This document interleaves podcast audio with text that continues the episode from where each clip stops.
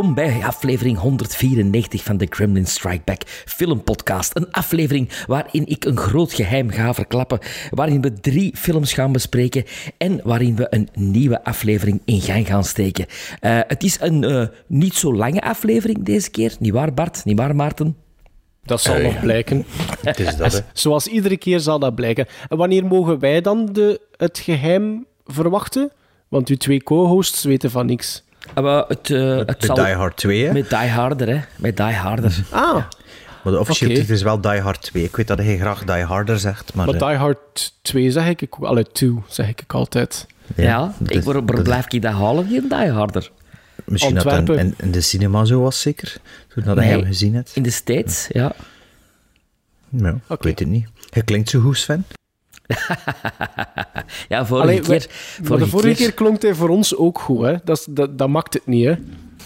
Nee, er was iets met mijn, eh, met mijn micro vorige keer. Hè. Dat ze, de mensen zullen dat wel gehoord hebben, uiteraard. eh. Eh, ja, dat, is, dat was ongeveer 150 afleveringen geleden. Dus dat mag al eens dan, hè. Wow. Eh, verder kunnen we ons altijd volgen op onze eh, social media. En vergeet zeker ook niet volgende aflevering. Ik ga springen al een beetje vooruit. Volgende aflevering is onze first time eh, eh, viewing aflevering. Wanneer, wat zit er hier allemaal te zijn? Oeh, is dat niet? Nee? Dat is toch de eerste... Vanaf het moment dat Sven zijn een kerstboom staat, dat moeten we weten, ook de luisteraars, vanaf dat moment dat Sven zijn kerstboom staat, is die al in, in, in de, de Ah, eindejaars oké, er zit er nog geen tussen, of wat? Nu ja. Ah, oké Al dan. jaar, hè. Ja. Dat is niet de laatste van het jaar, hè, nu. Dat is de Nee, de volgende is de laatste van het jaar, hè? Ja, dat is, toch, dat is toch nooit in december dat we er onze first time viewing doen? Of misschien het eerste jaar of zo, maar... Helemaal in de war. We gebruiken toch Hans het jaar nog om onze films van first time viewings af te werken? Helemaal in de war. Jan de Cler gezien en sindsdien is het, is, Is het- komt het niet meer goed, hè? Ja. Now I am become death, the destroyer of worlds. I should have expected to find you holding Vader's leash. I recognized your foul stench when I was brought on board. Little surprises around every corner, but nothing dangerous. I don't know where you get your delusions, laser brain. Read it? Read it? It?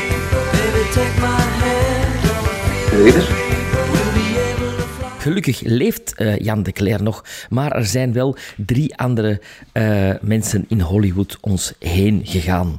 Eh, ik kon ze even snel overlopen. Het zijn geen grote namen, maar het zijn toch wel mensen die belangrijk zijn geweest voor de film. Zo is daar Elliot Silverstein, of Silverstein, geboren in 1927, gestorven dit jaar. De man had een respectabele leeftijd van 96 jaar. Maar hij heeft heel veel tv-werk gedaan, maar slechts zes featurefilms.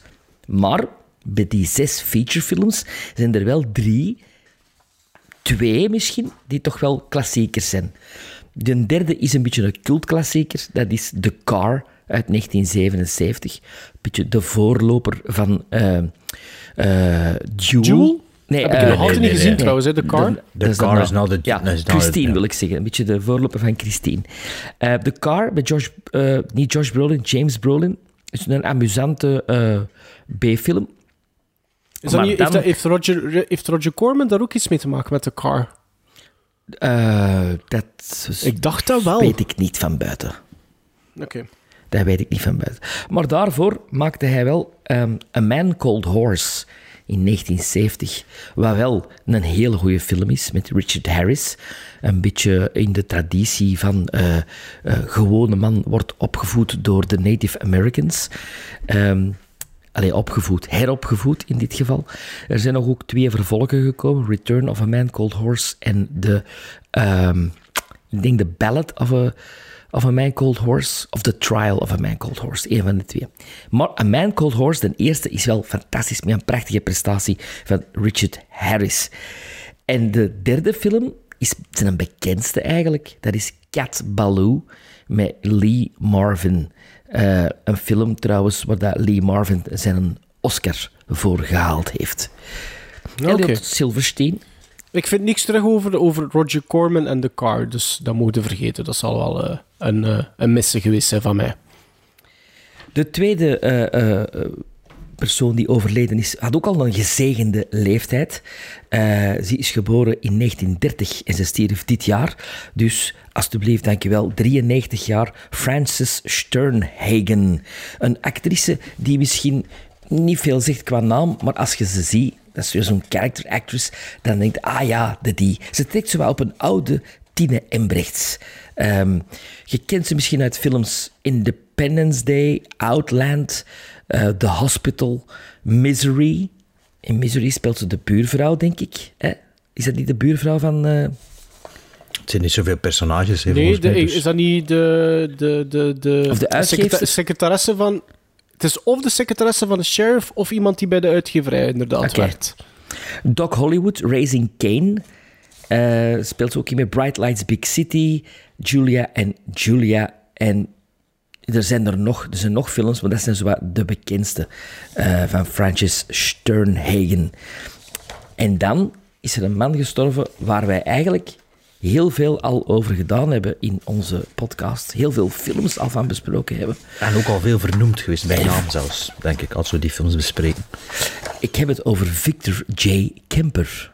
Victor J. Kemper is een a director of photography, ook de gezegende leeftijd, geboren in 1927, gestorven dit jaar.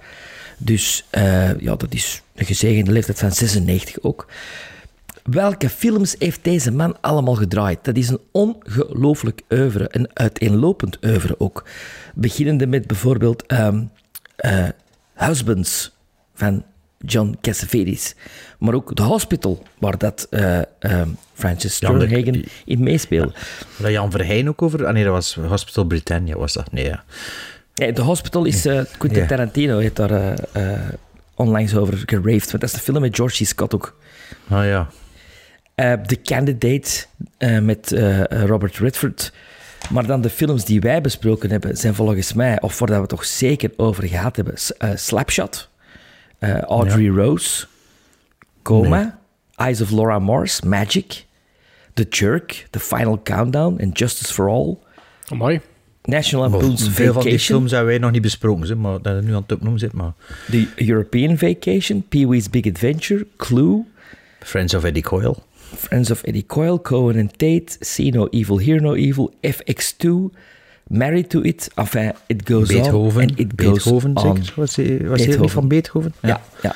Niet de film met een dove componist, maar wel de film met de grote Saint Bernard. Heel veel Ah. comedies, heel veel comedies gedaan. Heel veel Steve Martin comedies. Ehm, ik denk dat eh, Steve Martin graag met deze Victor J. Kemper samenwerkt. Maar ja, een grote naam in het eh camera, mannenmilieu, maar voor vele mensen ook een illustere onbekende. During holiday travel, some people get delirious. Some get delayed. And some get Del Griffin. American Lighting Fixture, Director of Sales, Shower Curtain Ring Division. Neil Page got all three. I was on my way home to spend a nice holiday with my family. Instead, I'm in a motel bed with a stranger. So instead of Thanksgiving with his family, he's spending three days with the turkey. Two happy clams just whistling down the road. Flintstones, meet the Flintstones, they're the Marconi family. Paramount Pictures presents Steve Martin, Ever been to Hawaii? Yeah. You see Don Ho while you were there? See the second show, that's the best one. Is that right? Yeah. John Candy, Why are you holding my hand? Where's your other hand? Between two pillows. Those aren't pillows. in a new film by John Hughes. Planes, trains, and automobiles. See that Bears game last week? Yeah, hell of a game, hell of a game. Vorige aflevering, of toch bij het online komen van deze af, van de vorige aflevering, ik weet het niet meer juist of de, wat dat Tijdens juist de geval- opnames van de vorige aflevering. Tijdens de, dankjewel Bart, tijdens de opname van vorige aflevering, van aflevering 193, was het, 193 lieverd, was het Thanksgiving in Amerika. En dus had Bart het idee om ehm, de klassieker van Thanksgiving erbij te nemen, namelijk Planes, Trains en Automobiles. En dat als kapstok te gebruiken om drie films te selecteren om deze aflevering te bespreken. Ik denk dat dat de eerste keer is, of de eerste aflevering, dat we zo lang nodig hadden om drie films te kiezen. eh, te selecteren voor deze aflevering. Maar kijk, we hebben het gehaald. Eh, we gaan in deze aflevering, want ik denk dat dat tijdens de intro niet besproken geweest is. We gaan dus naast Die Hard 2, of in het eh Sven's Die Harder, eh, gaan we ook Throw Mama from the Train en Mad Max Fury Road bespreken. Maar we beginnen met eh, Die Hard 2. En dat was een film die ehm, uiteindelijk gekozen is. Eentje van Bart zijn eh, selectie, hè. Van Bart Ja. zijn twee Ja, films. voor alle Dus- duidelijkheid, van mijn selecties is er niks gekozen. Niks. Ja, Niks. ja, maar ja, maar ja, maar ja, maar ja, wat was dat ook allemaal? Eh even iets anders, Maarten. Misschien dat hij met de car gemist zit met Pitstop. Want Pitstop is ook op Arrow uitgebracht en dat is wel door eh, Roger Corman geproduced. Dat zou, ja, dat zou heel ik zie goed hem hier kunnen. net boven mijn hoofd staan en mijn hoofd En valt trekt die cover er een beetje op? Ja, dus ook met een auto. Ja, ja, ja, ja, ja, ja oké. Nee, eh, Die Hard, Die Harder 2, Die Hard 2, eh, van Rennie Harlan. Le- Rennie Harlan, de regisseur van Nightmare on Elm Street 4, Dream Warriors. Een van de betere in de reeks. Eh, Cliffhanger na Die Hard 2 heeft hij gedaan. Cutthroat Island en een film die we vorige aflevering ook aangehaald hadden. The Long Kiss Goodnight. Dus Rennie Harlan was die regisseur ervan. Die, die Blue Sea heeft hij ook gedaan. En daarna wat onbekendere dingen nog. Eh Die Hard 2 is van 1990, duurt 2 uur en 4 minuten. En wie speelt er mee naast Bruce Willis? William Sadler speelt de slechterik van dienst, of een van de slechteriken. Eh, William Atherton, eh, Bonnie Bedelia, Bede- Bedel- Bedelia. Bedelia, als eh, Bruce Willis zijn vrouw, die ook in Die Hard 1 meespeelt. Franco Nero speelt ook een van de slechteriken, John Amos. En er zitten twee shots in van Robert Patrick, voordat deze bekend was als de T-1000. Waarover gaat Die Harder nu... Allee, ik kan Die Hard 2 beginnen zeggen, want anders denken de luisteraars dat Die Harder de echte naam is. Maar Die Hard 2 gaat over het volgende... Allee, dat is de synopsis voor zij die de film nog niet gezien zouden hebben. Als agent John McClane, speelt door Bruce Willis, voor kerst in Washington is, ziet hij iets vreemds aan de hand op de luchthaven. Hij grijpt in en ontdekt dat het om zware jongens gaat, al weet hij niet wat ze van plan zijn. Als de politie eenmaal doorheeft dat hij gelijk heeft, is het al te laat. Terroristen hebben de, de luchthaven en de toestellen in de lucht in hun macht. In een van die toestellen zit Johns vrouw. Hij tracht verborgen te blijven, de terroristen uit te schakelen en zeker niet dood te gaan. Net zoals die ene keer in Nagatomi Building. Dat zou handig zijn voor de franchise ook, ja. Voilà. Het stond, het eigenlijk nog anders omschreven op Movie Meter. Ik heb nog een beetje... eh, het- het- Zo was, eh, en zeker niet op een, eh, op een zo pijnloze manier dood te gaan, zoals vorige keer stond er zo in. Dus ik heb een klein beetje aangepast. eh. Maar kijk, eh, ik denk niet dat het voor veel mensen een, een verrassing is waar er Die Hard 2 over gaat. Ik denk ook niet dat er echt iets gespoild is. Het is een, echt een, een droge synopsis. Ehm, en ik ga zelf beginnen, omdat het dan beter uitkomt met de volgende films. Eh, Die Hard 2 ik heb beseft achteraf dat ik een keer in een podcast eh, een cameo gemaakt heb toen dat over Die Hard ging, om een of andere ja, verjaardag of zo, zeker. Of hoe zit dat daar met fokken? En ehm, toen eh, had ik net, dat was de, ja, de, de laatste keer dat ik Die Hard 2 gezien had, was toen, ehm Fok had dat gezien op mijn Instagram of zo, ik weet niet meer juist. Ehm, dus het was misschien nog niet lang genoeg geleden voor mij eh, dan dat ik de, de film eh, het laatst zag. Maar in het begin waren er ook alweer stukken dat ik zei, ah ja, dat is juist, ja, dat zit er ook nog in. En de grote plot points wist ik wel nog, maar heel snel was ik weer along for the flight eh, met, eh, met, met, met, die- met deze met, met film. Ja, dat is eh, een actiefilm die eigenlijk... ehm, veel locaties en veel personages heeft binnen zijn allee, beperkte locatie. Allee, het zit in een, lucht, in een luchthaven, maar daar je toch nog veel locaties en je ook heel veel nevenpersonages. En dat zorgt er wel voor dat die film ook wel echt blijft boeien, elke keer weer opnieuw. Ehm, natuurlijk, uw slechterik is geen eh, Alan Rickman, maar dat zou ook niet zo goed zijn, moest het hetzelfde zijn. Dus, dus ik vind dat eh, William Sadler doet er iets anders mee en het is een ander soort En ook een soort andere ingesteldheid en een andere agenda. Dus dat is niet echt copy-paste van, eh, van de eerste Die Hard. De eerste Die Hard is van 1988 zeker? Eh, klopt dat, Sven? Weet jij dat? Of uh, 88 volgens mij. Juli, juli 88. Hè. Dus kleine twee jaar later. Allee, of kleine weet ik niet, twee jaar later. Oh, is dat in juli uitgebracht? Die Hard, de eerste wel. Stref. Ja. Ja, dus- deze ook trouwens. ja, maar, deze... Ah ja, hij, hij er. Ja, ik heb die in de zomer gezien. Ja. Voilà, dus een, een, twee jaar na de, de origineel. Um, dus ja, ik had hem... Ik weet niet meer, ik heb niet genoteerd, denk ik, anderhalf jaar geleden dat ik hem laatst gezien. Het is wel de Die Hard film die ik het minst gezien had. Alleen van de drie, de rest... Um, maar dat is meer per toeval, omdat ik, Mijn eerste Die Hard was Die Hard 3 en die had ik dan een paar keer kort na elkaar gezien destijds.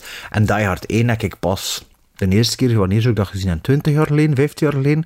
Had ik had dat nog nooit gezien.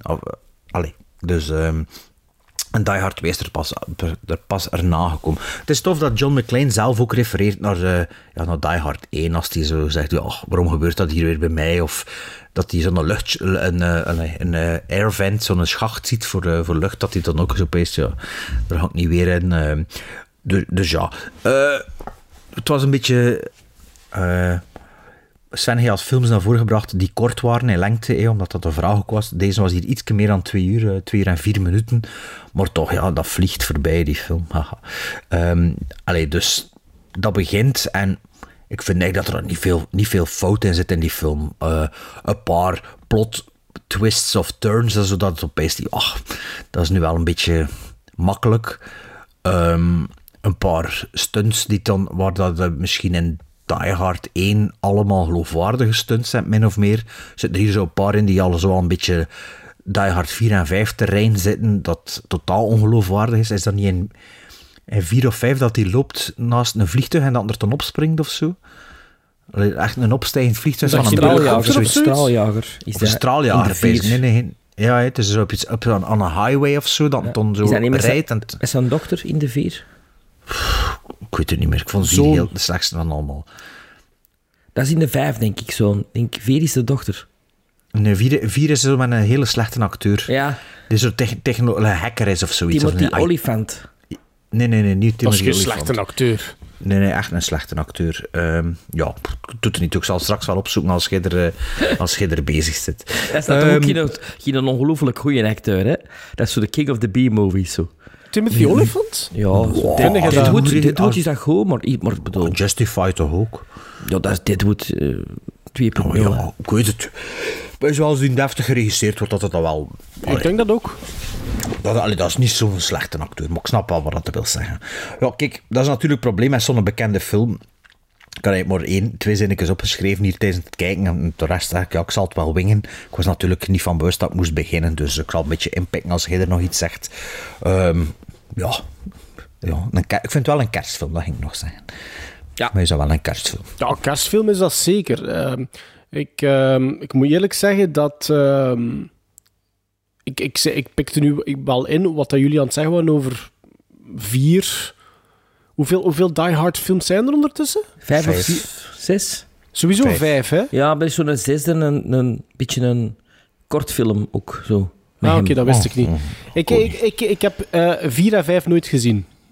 Mm. Dus het was puur op basis van stukjes dat ik ooit een keer online gezien heb. Of, of, Je mist niks, ik zal het nu al zeggen. Of stills of zoiets dat ik, dat ik inpikte op uh, Timothy Olyphant en zo. En zoon en dochter. Maar Justin. Long is trouwens die slechte acteur. Ja, dat is, een, dat is geen goede acteur. Dat klopt. Um, allee, voor mij toch. Um, dus uh, Die Hard 1 en Die Hard 3 zijn mijn meest bekende, alleen meest bekeken films uit de franchise. Zeker Die Hard 3 ook, uh, zoals Bart, denk ik. Uh, en waarom? Omdat die eigenlijk het meest getoond werd op tv. Zeker op VT4 in een tijd. Die, die vertoonde die een derde film echt wel uh, heel frequent. Um, ik heb naar aanleiding van het herbekijken van de tweede, want ik had de tweede wel al gezien, nog een keer de eerste bekeken. Wat dan nog altijd een dijk van een film is, supergoed overeind blijft. En dan de volgende dag Die Hard 2 herbekeken. En ik denk eerlijk gezegd dat dat de tweede, misschien de derde keer was dat ik die film gezien heb. En de conclusie na het bekijken van die film is dat Rennie Harlan geen John McTiernan is. Ehm, ook de, degene die het scenario geschreven hebben, ik weet niet meer juist wie dat, dat juist was, ehm, eh, zitten niet op hetzelfde kaliber van de eerste. Of zijn een beetje het slachtoffer geworden van het feit dat Die Hard 1 zo'n gigantisch kassucces was, dat ze misschien iets te hard geprobeerd hebben om terug te grijpen naar de succeselementen van die eerste film. Ik klink negatief. Ik ben het niet echt, want Die Hard 2 is nog altijd een hele leuke actiefilm. Maar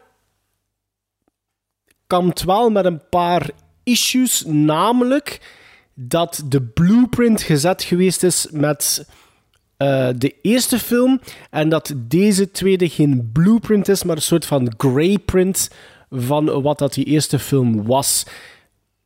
Het is waar wat dat jij zegt, Bart. Er zijn genoeg personages om niet te vervelen, maar geen enkele van de bad guys of de sidekicks zitten voor mij op hetzelfde niveau, zowel qua acteerprestaties als ook scriptgewijs, als de originele cast, laten we dat maar zeggen. Die, de, de, de, de, de, de, de lispelende air traffic guy is geen Reginald Val Johnson uit de eerste bijvoorbeeld. William Atherton is niet, of, of, hoe heet hij, is niet op hetzelfde kaliber inderdaad als een Alan Rickman. Het is ik vind dat Reginald Val Johnson in deze film eigenlijk vervangen wordt door Dennis Frans. En die vind ik wel steengo. Dus de kop de, de, de chief inspector. Oh nee, nee, nee, die vond ik eigenlijk rete irritant. Ah, ik ga je zeggen, nee, ik, die, die gast doet dat goed, want die heeft ook zijn brood gemaakt door geen gans zijn carrière bijna als, als de. De, de, Arnold Willems van Amerika eigenlijk. Ja, absoluut. die, die, en die is, is, is zeker niet slecht in hetgeen dat hij moet doen. De, het probleem wat ik heb bijvoorbeeld met dat personage, als je er dan ene wilt highlighten bijvoorbeeld, is dat die in iedere scène hetzelfde doet, buiten op het einde de laatste twee, drie scènes. Dus het is een eikel, een eikel, een eikel, een eikel, een eikel, een eikel, een eikel. Ah, hij doet ook iets goeds voor onze lead ja, maar dat is Reginald Val Johnson, is de stommerik, de stommerik, de stommerik, de stommerik. En op het einde is hem, ah, een held. Nee, dat is gewoon. Ja, oké. Ja, oké, daar kan ik u wel een klein beetje in volgen, maar Reginald Val Johnson is nooit een eikel, een eikel, een eikel, een eikel, een eikel. Een, een lompe. Nee, maar je hebt wel sympathie, sympathie voor dat personage. Ik heb geen sympathie voor, hetgeen, voor die, die man dat jij nu zegt. Ook niet op het einde. Dan heb ik zoiets van, dat is goed geschreven omdat u goed uitkomt. Om dan nog dat laatste pushje te geven aan de film. Dat is iets anders. Terwijl Reginald Val Johnson uiteindelijk de film is eigenlijk al gedaan. Hè, laten we maar zeggen, dat hoefde niet te gebeuren. Dat was gewoon in de eerste film om dat personage nog een keer te doen shinen. En dat is het grote verschil. En dat heb ik met heel veel elementen uit deze tweede film. Namelijk, het moet bigger zijn, maar aan de andere kant is het ook veel vlakker. Bijvoorbeeld, de, de, de bad guys zijn... Ik weet het niet. Dat, dat, dat, dat lag misschien ook aan het scenario en het feit wat Alan Rickman daarmee gedaan heeft. Want het is niet dat die, de, de bad guys in de eerste film immens veel diepgang hebben of zoiets. Maar hier voelen ze allemaal heel vlak aan. De, de, in de eerste vijf minuten of zoiets worden die gezet, al de bad guys. En die dragen allemaal dezelfde kledij. Die bewegen allemaal op dezelfde manier. Die kunnen niet lachen. Die zijn allemaal eendimensionaal. En dan heb ik zoiets van... Oké, we zijn aan het kijken naar eigenlijk wat dat ik eigenlijk meer linkte aan een 80s action flick dan naar een, een successor of een, successor of een sequel van een film uit 88 die eigenlijk dat niveau een beetje oversteeg. En dus had ik zoiets oké, we keren een beetje terug. Daarom kan ik ook niet zeggen dat Die Hard 2, dat mij dat verveeld heeft, dat dat een slechte film is. Geen, absoluut niet. Maar het, het, voor mij leunt het meer aan naar wat dat er geweest was, of geweest is, dan naar iets wat, wat had kunnen zijn als ze daarop hadden voortgebouwd op het elan van, van Die Hard 1. Ik vind bijvoorbeeld de, de, actiestukken en, en, en eh, Bruce Willis die alles op zijn eentje bijna doet, en, of quasi op zijn eentje doet in de eerste film, dat is ook bij de haren, bij de haren gegrepen. Hè. Maar op een of andere manier, als ik die twee films naast elkaar zet, is één plausibeler en geloofwaardiger dan wat dat, sommige stukken dat er gebeuren in Die Hard 2. Al, zoals het, het, het eerste wat dat er gebeurt bij die conveyor belts in de airport, in die luchthaven, met al de baggage, met, met al die koffers. dat begint, wat ik wel goed vond, hè, want er is geen sfeerzetting. Hè. Je zit gewoon, oké, we zijn aan het kijken naar Die Hard 2. Binnen de eerste 10 minuten weten we al direct wat dat er aan hand is, wat ik wel goed vond. Maar het voelt zo... Hmm, voelt zo allemaal een klein beetje wranger aan dan die eerste film. Met als hoogtepunt vind ik dan, er, een, er is zo'n sequentie in een vliegtuig, in een vliegtuig waar dat Bruce Willis ternauwernood escaped. En dan had ik zoiets van, poeh, dat vond ik... mm. Dan heb ik zoiets van, ik ben duidelijk aan het kijken naar iets wat dan een sequel is op een, op een film die heel goed, heel goed heeft aangeslagen, waar dat we iets beter of iets groter of iets spectaculairder nog mee moesten doen. En dat vind ik een beetje jammer. En de reden waarom dat ik dat ook zeg, is omdat ik... Het is nu wel ook al een, een tijdje geleden hoor, dat ik die, de Die Hard with a Vengeance, de derde, heb gezien. Maar ik denk dat qua stijl en toon, dat die derde precies ook weer wat meer aanleunt bij de eerste, vind ik. Nee, Bart? nee. nee? Na 40 minuten zijn ze niet meer in New York. Dat vergeet iedereen. Hè. Na 40 minuten zijn ze op een vliegtuig, hè, met eh, op een boot met raketten. Hè. Dat is meer Under Siege. Ja, dat is meer de een derde? siege. Ja. De derde, de derde iedereen peest van dat is in New York. En, en eh, I Hate eh, Niggers is zeker met zijn sandwichbord. En, eh, en Simon Says, maar dat is maar de eerste 40 minuten. De laatste keer dat ik die gezien, gezien heb, word ik er ook mega van verbaasd. Want merendeel van die film is inderdaad op een vliegtuig, op een fregat. Hè. Zit, want daar zit Samuel L. Jackson. Ja, ja, ja. Dat, ja, maar dat vergeten we dat niet zo memorabel is. Dat, daarmee dat ik ook altijd dacht dat ik drie beter vond ik dan vind, twee. ik vind- vind maar is drie, niet. een drie van die drie de minste wel. Zo. Maar wacht, dus Ah, maar- op het moment dat ze bij de derde onder de grond zijn, ik dacht dat dat het einde was. Nee, dat is het begin. Dat is, ja, dat is nog niet op de helft van de film. Wanneer dat, dat die, die, die locatie achterwege gelaten wordt, is dat, is dat de helft van de film? Nog niet dat, zelfs, ben ik, dat ben ik zelfs al vergeten dan. En dan is de rest van Die Hard with a Vengeance op een, Vengeance op een boot. Ja. Ja, dat ben ik al vergeten. Allee, Samuel Jackson zit op een boot waar Bruce Willis zit op dat moment, dat weet ik niet meer juist. eh. Waar dat, waar dat de leading man zit, dat weten we niet meer. Nee, ja. Maar ik weet het vooral omdat ik verbaasd word van, oeh, er is nog een hele scène met boten en allemaal, of wat? Ah ja, oké. Maar ehm wederom, ik, heb, ik, ik vind Die Hard 2 vind ik allerminst een slechte film. He- Geen, absolu absoluut niet. Maar ik heb wel iets meer issues. Maar ja, nu zit, nu zit eigenlijk Die Hard 1 versus Die Hard 2 te bespreken, terwijl dat je eigenlijk naar Die Hard 2 zou moeten kijken. Hè. Want ja, Ja, maar dat vind is Die ik- Hard dat- 2 ook slechter dan Die Hard 1 natuurlijk. Ja. Ja, maar, maar dat vind ik niet zozeer onlogisch ook. Omdat het is, het is deel van een franchise en ik plaats die film dan wel midden van een franchise. Alleen van toch de drie films dat ik gezien heb. Ehm, en als opvolger, nog geen twee jaar na de eerste, vind ik dat niet zo heel onterecht dat ik daar gelijkenissen in tref. Ik, ik, vind, ik vind echt wel dat Rennie Harlan een minder goede regisseur is dan, dan John McTiernan. Zowel in zijn setpieces, zowel in zijn acteursregie. Eigenlijk bijna op alle vlakken vind ik dat gewoon een mindere... Hoewel dat die man ook wel een... een, En, en een- cliffhanger gedaan? ja, ja. Dat is toch wel straf, hè, denk ik. ja, maar dan nog. Dan nog, dan nog. Ja, Ik vind, eh, als je kijkt naar het palmarès van John McTiernan, heeft hij meer hits Ja, ja, dat is dan Rennie Harlan. Ja. Dus ik vind ja, niet... ja, zo zeker? Hunt for Red October, Predator. Ja, toch. Nou ja, Predator ook nog, ja. ja. Ik van Rennie Harlan kan ik ik eigenlijk buiten... Deze vind ik zeker oké. Cliffhanger is voor, voor mij ook ietsje minder dan, dan Die Hard 2. Maar dan stopt het daar wel ongeveer, hoor. Want die man heeft ook maar iets van 35 Ja, die heeft ook credits. in een bak gezeten, hè. Rennie Nee, Harlan. nee. McTiernan. McTiernan had in een bak gezeten, hè. Ah, Ah, directors, misschien ook. directors Jail. Directors Jail bedoelde. nee, nee, echt, hè. Of echt in de Eh, John. McTiernan moet dan maar een zijn, die net, die net in de, de IRS eh, opgelegd, hè. Ja, maar ik In de dacht dat Ray Harlan met iets anders nog in een bak heeft gezeten.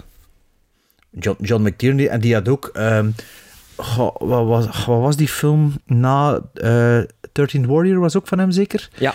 Daarna, welke film heeft hij daarna gedaan? Dat vrij geflopt is. En daar heeft hij ook met de studios ding uitgestoken die... ehm, Ah, fuck, welke film is dat nu? Ja, kon, kon Is dat geen Bruce Willis film ook? Ja, het zou kunnen, ze. Wacht, hè. Allee, wacht, je moet niet wachten. Ik zal Ik het dat wel, eh, op, ik ga dat, ik ga dat wel op, opzoeken. Nee, met John misschien- Travolta. John Travolta en...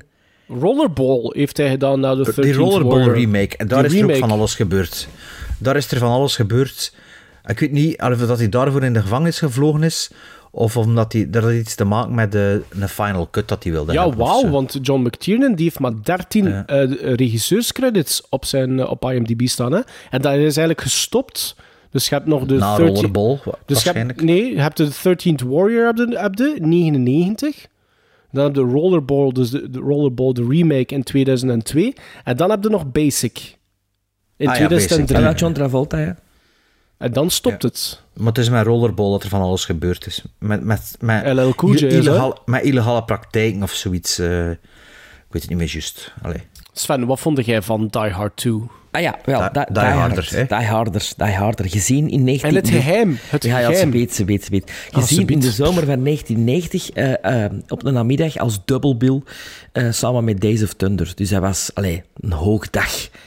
Ehm, ik eh, had de eerste Die Hard niet gezien, alhoewel ik een grote fan ben van Bruce Willis en Moonlighting, de reeks, had ik op een of andere manier Die Hard niet in de cinema gezien. Ik denk dat dat ermee te maken had met dat dat in een... Die Hard speelde in de Calypso-zalen. En De Calypso-zalen waren geen onderdeel van alle andere cinemas in de Antwerpse binnenstad. Waren niet van het Rijksconcern. En ik kwam niet suggereren in de Calypso-zalen. Ik vond dat... Dat is dat daar ook waar dat, dat een Alex eh, om de kassa heeft gezeten. Maar de Calypso-zalen, die waren zo wat... Ja, ik vond die zo wat groezelig. En in een van die zalen stond ook een paal. Dus als je er zat en die paal die stond vooraan, dan had je pech. dus dat is misschien de reden waarom, dat, waarom dat ik die film niet in de cinema heb gezien. Eh, dus mijn eerste aanraking met het gegeven Die Hard was in de States in de zomer van 90 Die Hard 2, dubbelpunt, Die Harder. Want zo stond dat er op de billboard. En ik, ja, ik vond dat een fantastische film. En nog steeds vind ik dat een fantastische avonturenfilm, eh, actiefilm. En ik heb pas daarna Die Hard gezien op eh, eh, VHS. Eh, diezelfde zomer trouwens, want ben die dan ook gewoon huren in, in een blockbuster-video. Name dropping. Ehm, Die Harder vind ik spectaculair. Vind ik ehm, een beetje James Bond-allures hebben.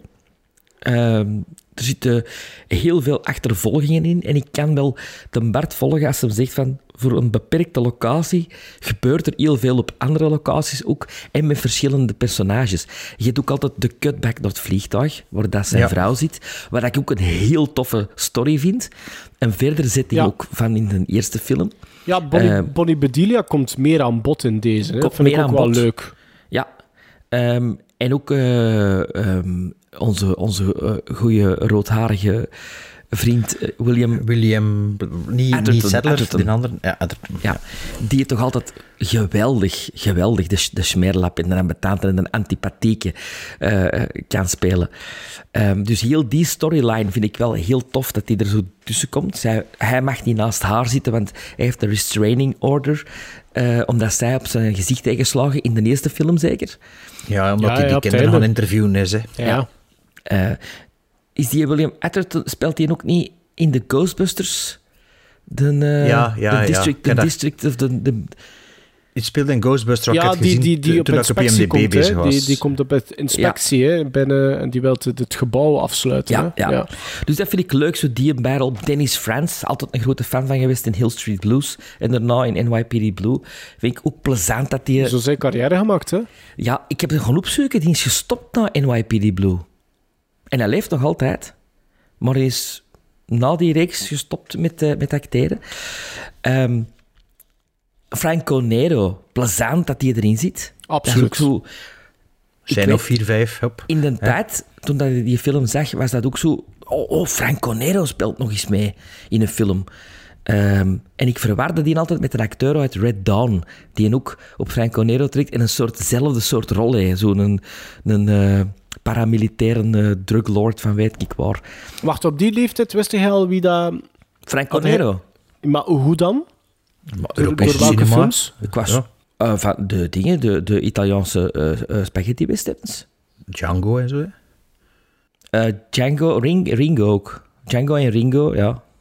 Oké. Ja. Django is, hij is toch Django, hè? Django, dan- Nero? ja. Dat is de originele Django. Ja. Maar er was ook films met Ringo of zoiets. Gringo, Ringo. eh, en Franco, en Franco, Nero speelde ook mee in 10 from Navarone, die ik toen als kind al eh, een paar keer had gezien, met Harrison Ford ook. Ehm, het geheim van Die Hard, van Die Hard 2, Het zit er gewoon natuurlijk op te wachten. Hè. Ja, zo benieuwd. kost al vergeten, kost al vergeten. Ik niet. Ik niet, Sven. Bart, uw enthousiasme van de avond is weergaloos. Aanstekelijk. Ik stuur nu een foto door naar jullie. Hè. Oei, het is live. Het is een live feed Het is live. Het is. Deze eh, figuranten, Ja. die dus Ah, naast dat William was, u, dat was uw lief zeker. Ja. Zomerlief. Ja. Maar hij had het al een keer Nee. verteld. Jawel. Ja, in mijn summer special komt dat in. Ja, hij had het al een keer verteld. De welke? Van, met Brian Clifton nu. Nee, nee, mijn summer special over mijn eh, ontmoeting met sterren. eh, van een paar jaar geleden. Oké.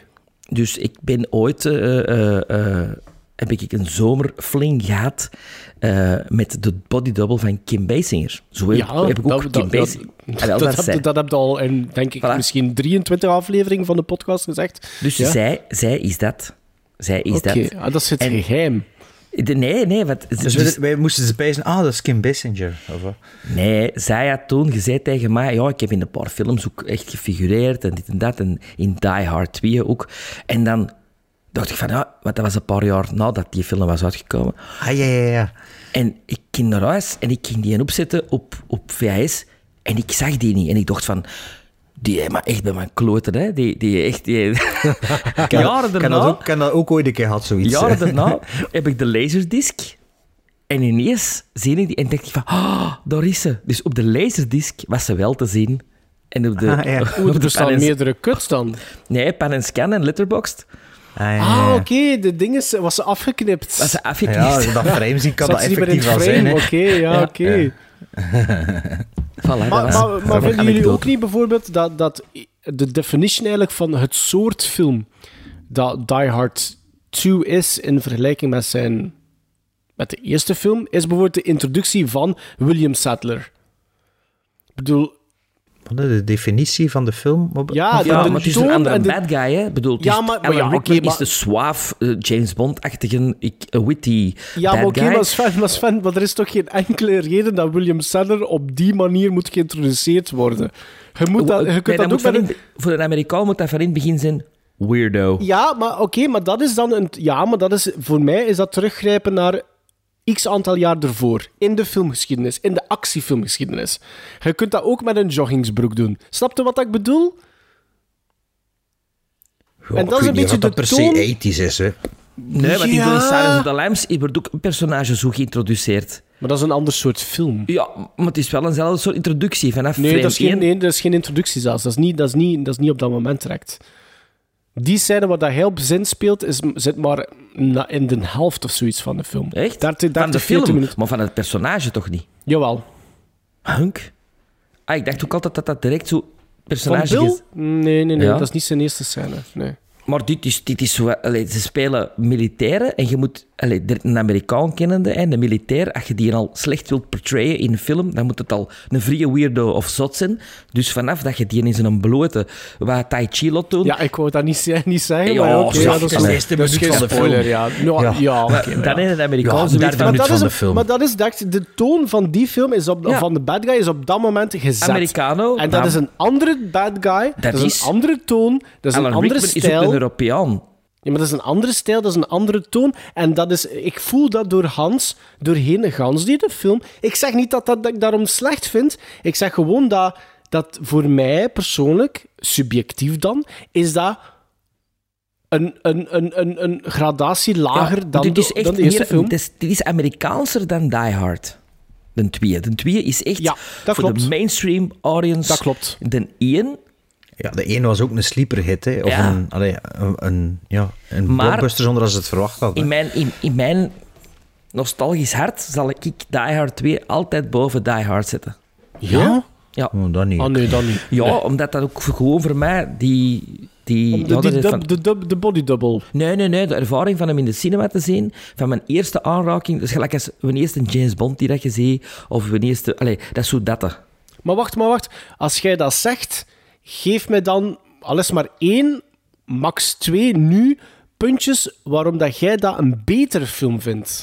Waarom Eh, vind jij dat een betere film dan Die Hard 1? Ik vind Die Hard 1, ik vind dat fantastisch, maar ik vind dat soms, soms hier en daar een beetje dragging en saai. Ah, ja. Vind jij niet dat deze film... Ik vind, Dit is nooit saai. niet- Oh, dat Nee, vind ik wel. niet. Nee, Nee, het is niet dat- saai. Het is niet saai, Dat maar het heeft... dat raakt ook nog ergens. Maar in Nee, de het is eerste niet- Die Hard zitten zo op twee of drie scènes dat ik van... Oh, ja, oké. Ja, maar hier ook. Ik vind het, nee, het is niet saai. Begrijp me niet verkeerd. Dat was misschien een fout van mij. Het is niet saai, maar er zitten wel scènes in die, gem- die eigenlijk geknipt hadden moeten worden. Al is er maar hier en daar zo 10 seconden of zoiets. Maar zo van die duidelijke referenties naar de eerste. Zo van die herhalingsjes. Ik heb zoiets van, dat hoeft niet. En dat is misschien Amerika dat is misschien heel typisch Amerikaans inderdaad, dat dat past bij dat soort film. Maar voor mij hoefde dat wel niet. Dat, dat hoefde echt niet voor mij. Ja, je hebt dat in Lethal Weapon ook. En je hebt dat in de... Wat is de andere? De, de Bad Boys dat ook. Dus ik vind dat niet zo erg. Ik vind dat wel leuk van die, van die callbacks.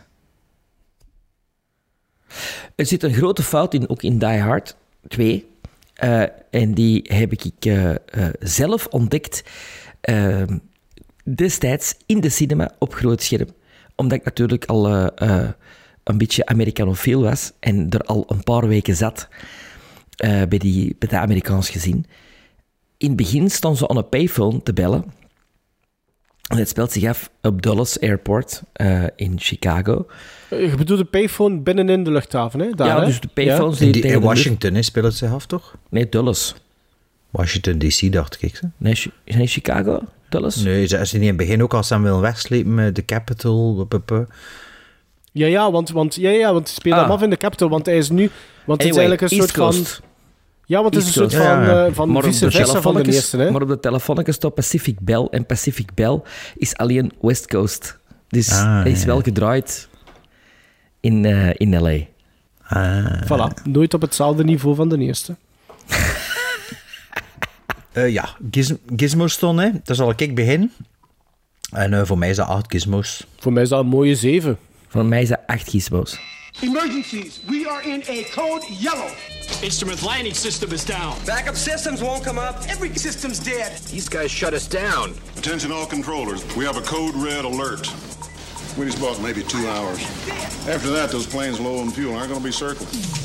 They're going to be dropping on the White House lawn. I want every officer recalled and assembled in body armor with full weaponry in the motor pool in five minutes. It's time to kick it. Our own SWAT team's gone. Well, maybe they're just a little bit more creative than you think. Start looking for a new miracle. Who the hell is this? We don't need a loose cannon on this deck. You get the hell out of my office before I throw you out of my damn airport. You're the wrong guy in the wrong place at the wrong time.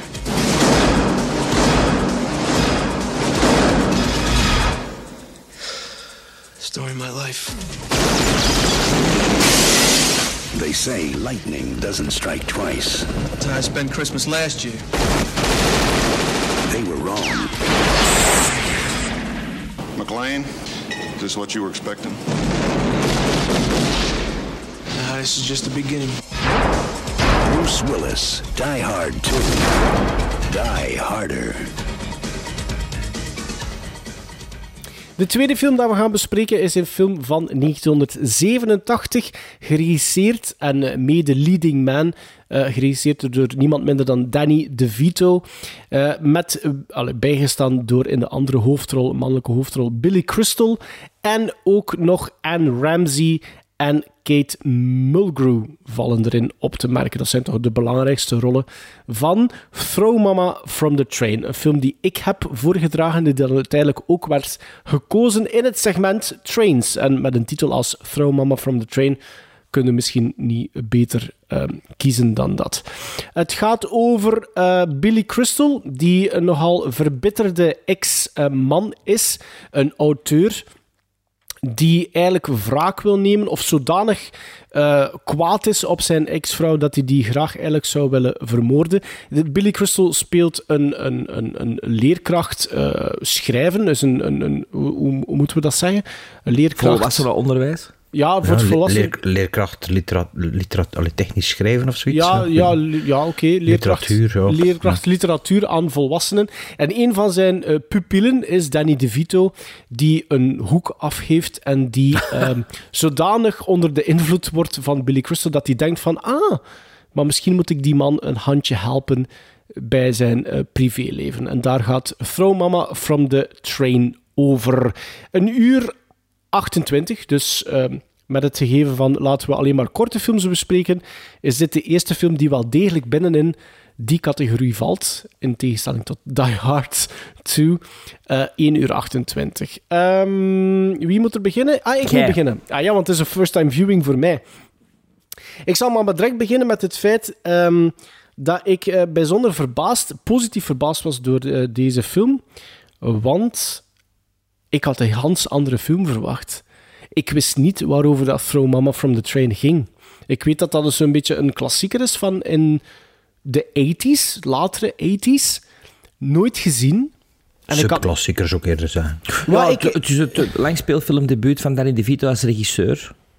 Ah, het is zijn, zijn Hij heeft tv-films gemaakt en in, in afleveringen van Amazing Stories en zo geregisseerd. Maar de eerste film, film die hij geregisseerd heeft. Ah, Oké, want ik wist echt absoluut niet waaraan dat ik mij moest verwachten. Ehm, het is geen spoiler als ik zeg van dat ik dacht dat het iets meer, ietsje meer letterlijk te maken ging hebben met de titel. Mm Gigantisch dus succes ook geweest. Ja, maar voor mij was dat daarom ook een hele leuke uh, verrassing, eigenlijk, waarover dat deze film ging. Ik heb mij daar eigenlijk bijzonder goed mee geamuseerd. Ik vond het tweespel tussen Billy Crystal en Danny DeVito vond ik heel goed. Ik vond de figuur die Danny DeVito uh, portretteert, vond ik heel leuk om naar te kijken. Ik vond met een uur 28 dat die film mij nooit verveeld heeft. Um, de, de, de, de, de, de, de, de, de, um, de toevoeging van Anne Ramsey vond ik heel leuk als de mama van uh, de moeder van Danny DeVito. Oscar genomineerd voor deze rol trouwens. Oké. En Kate Mulgrew als de ex-vrouw van Billy Crystal vond ik ook leuk. Maar Billy Crystal vooral steelt voor mij hier wel de show. Ik vind dat hij heel goed is als leading man. Ik vind dat hij heel goed de verschillende gradaties portretteert van uh, liefhebbende man, laten we dat maar zeggen. Maar ook iedere keer dat de naam van zijn ex-vrouw valt, hoe dat hij de switch maakt. Ik vond dat... Ik, ik, heb, ik heb meerdere keren luidop moeten lachen met deze film. En ik had dat niet verwacht, vooral omdat dat zoiets was van ik kende die film niet alleen maar van titel. Dus één, het is iets anders wat ik ervan verwacht had. Twee, er doen, al, allez, er doen mensen mee die ik niet wist die erin meedoen. Dat wist ik ondertussen wel door jullie naar, uh, uh, in vorige aflevering, op het einde van vorige aflevering. En dan nog drie, dat ik mij daar nog zo gigantisch mee goed geamuseerd heb dat, was, dat, waren eigenlijk, dat, was, dat was eigenlijk de ene verrassing na de andere voor mij. Ik vind dat dat tempo goed zit. Ik vind het heel leuk dat, er over, dat, dat de film in verschillende settings gaat, zelfs doorheen verschillende continenten op een gegeven moment, waardoor dat de snelheid gegarandeerd werd, um, voor mij persoonlijk.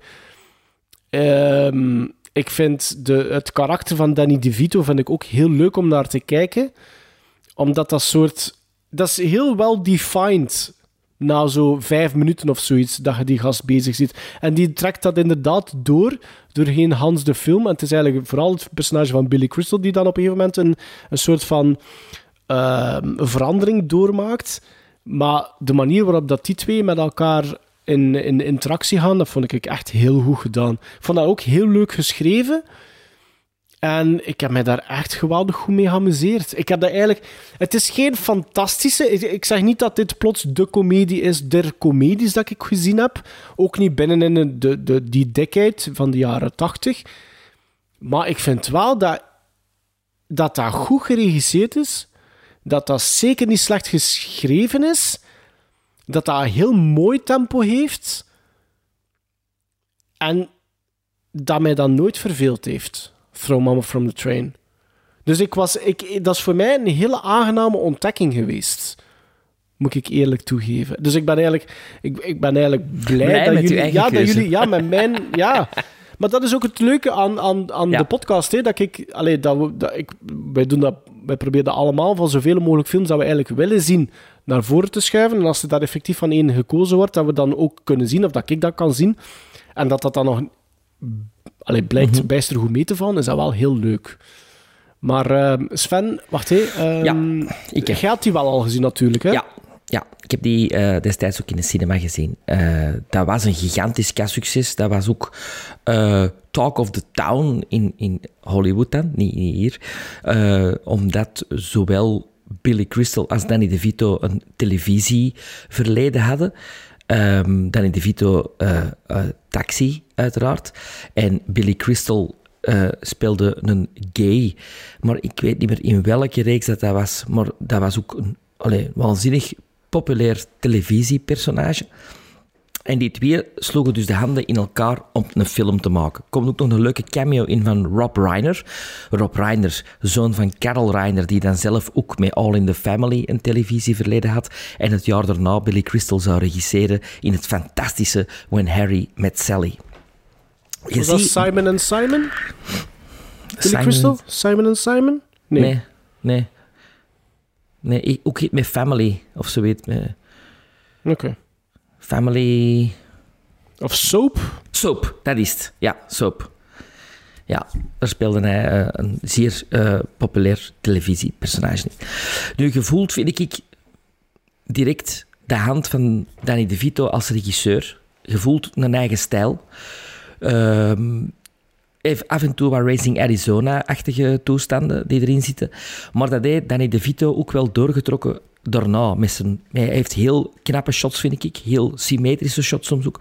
Die hem daarna in Hoffa en in Matilda...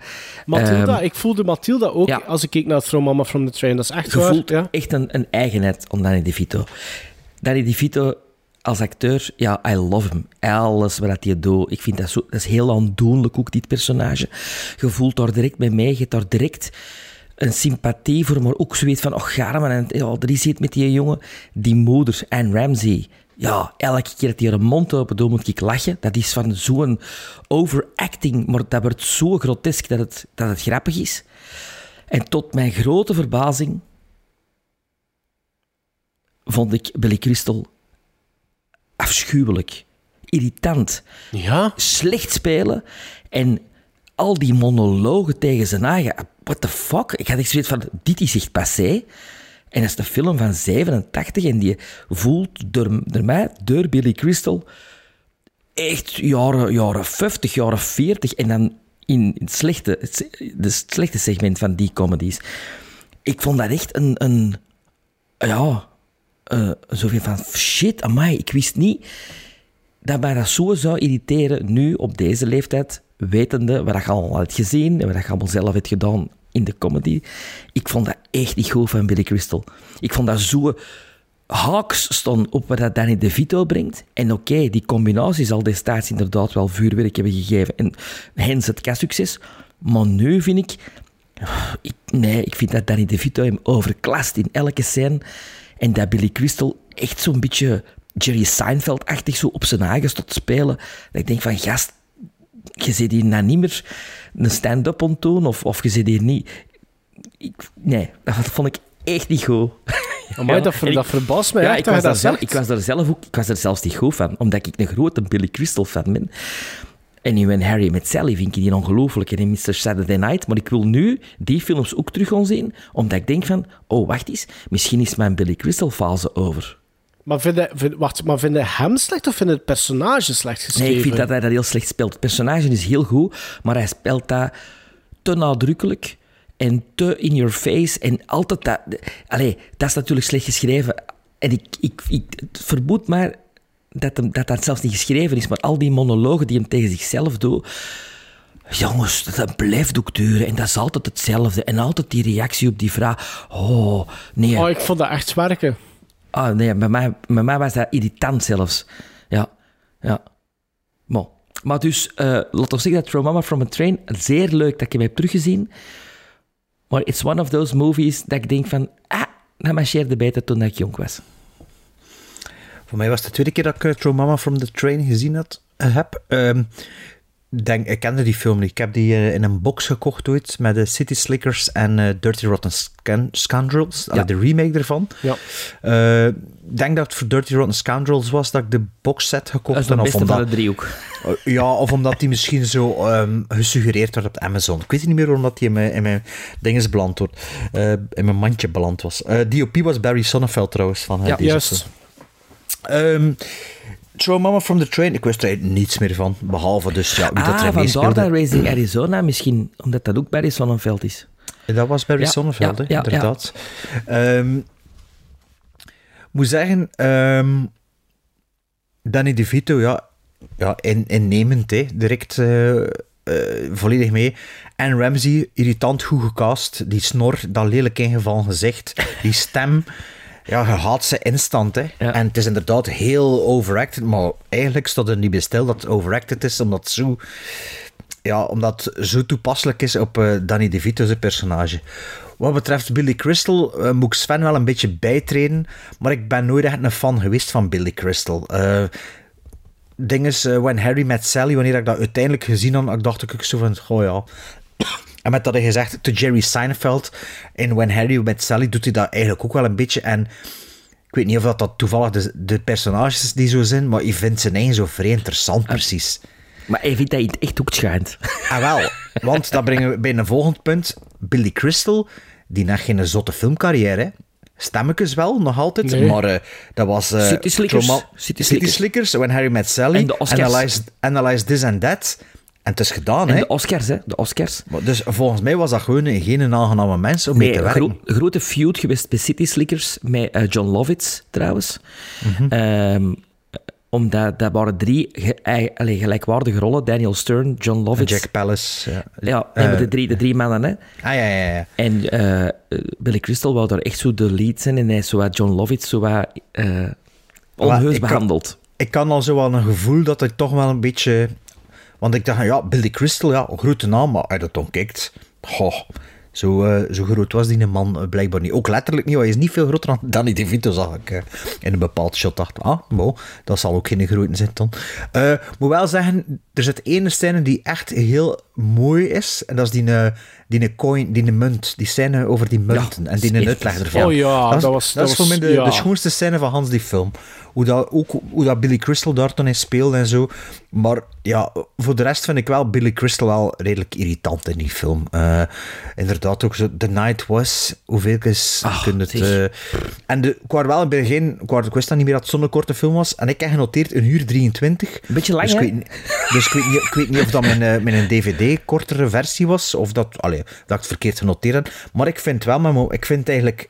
Het voelde langer aan ze Oh, nu heb ik dat- nu heb ik dat genoeg geweest. Ah, nee, ik vond dat niet. Ik vond ook die Soms verhaal- heb ik zoiets van, kom, doe maar Ja. een beetje voort. Ik vond ook die eh, herhalingen, ik vond dat echt in dit, binnenin, binnenin deze film, vond ik dat echt werken. Ja, en toen eigenlijk tegen dat ze op die trein belanden, want ik dacht op een gegeven moment, ah, dat is gewoon de titel, die gaan niet meer op die trein belanden. En dat is ook een beetje raar, hoe dat ze dat... Allee, dat is zo, zo rap rap precies, en toen... Ja, en wat ik ook vind, ik vind de, de auto-achtervolgingen, sorry, maar dat verrapt. Dat, dat, dat, die auto's die zo wat rapper gaan dan normaal, ik, dat is... Nee. Dat, ik snap dat niet, dat dat in de jaren tachtig nog, nog, nog kon. Ja, dat is dan niet de Vito's schuld, hè. Ehm, maar ik zeg het, ja, allee, dat is geen slechte film, hè. Dat kijkt wel weg, maar, goh ja, ik kan er eigenlijk ook niet zoveel mee moeten lachen. Twee of drie keer moest ik er wel mee lachen. Ik heb met Anne Ramsey vooral. Ehm, You ja, stupid piece of lard. De Vito had ook twee momenten dat ik wel mee moest lachen, maar ik weet, ik weet de details niet meer. Maar eh, ja, al bij al is het wel een oké film, maar eh Billy Crystal moet wel niet uh, pijzen dat hij de man is. Oké, ik zal beginnen met mijn eh, ehm, gizmos, wat dat waarschijnlijk de, de, de dikste score zal zijn. Ik geef dat, verrassend genoeg misschien, ik geef dat wel een 7 op 10. ik, ik kan een keer zien waar ik dat de vorige keer gegeven Ik geef dat een 6. Zo van nog. Uh, ik kan een keer zien, want ik geef dat nu ook een 6 ik, en ik denk dat ik dat de vorige keer ook een 6 gegeven Maar heb. ik, ging met, dus... ik, ik, ging met de verwachting in deze film in van, ik kon een seal geven. Ah ja. Ah ja. ja dan, dan is dat wel dik tegengevallen. Ja, eigenlijk. absoluut. Ja. Maar dus uh, Sven en ik, oh, we geven al twee 6. Dus.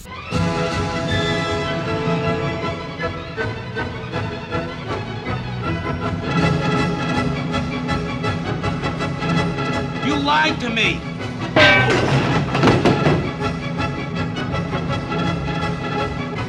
You're a sick man, Owen. You're right, I'm no good. How could I do that? I'm a sick, sick per cows.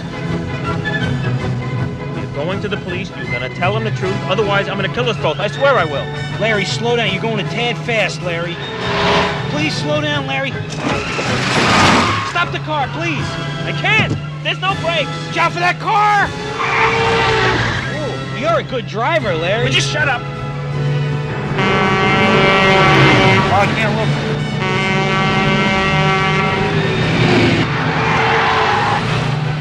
Whoa!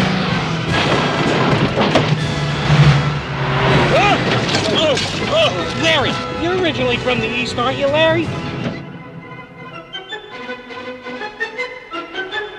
This is good. Is like the Flintstones car wash.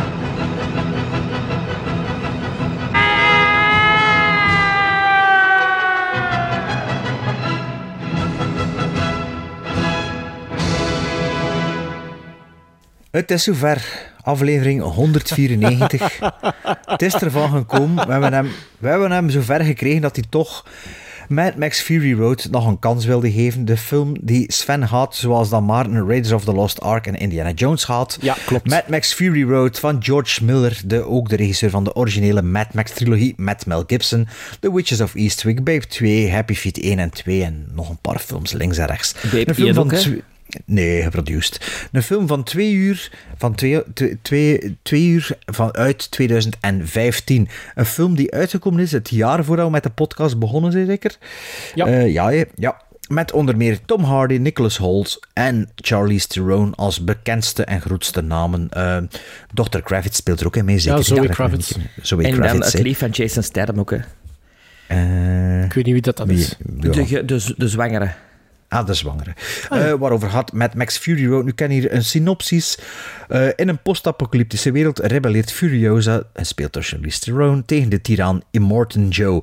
En gaat ze op zoek naar haar thuisstreek met de hulp van enkele andere, andere vrouwelijke gevangenen van Immortan Joe en de psychotische thuisloze Max. Allee, Max.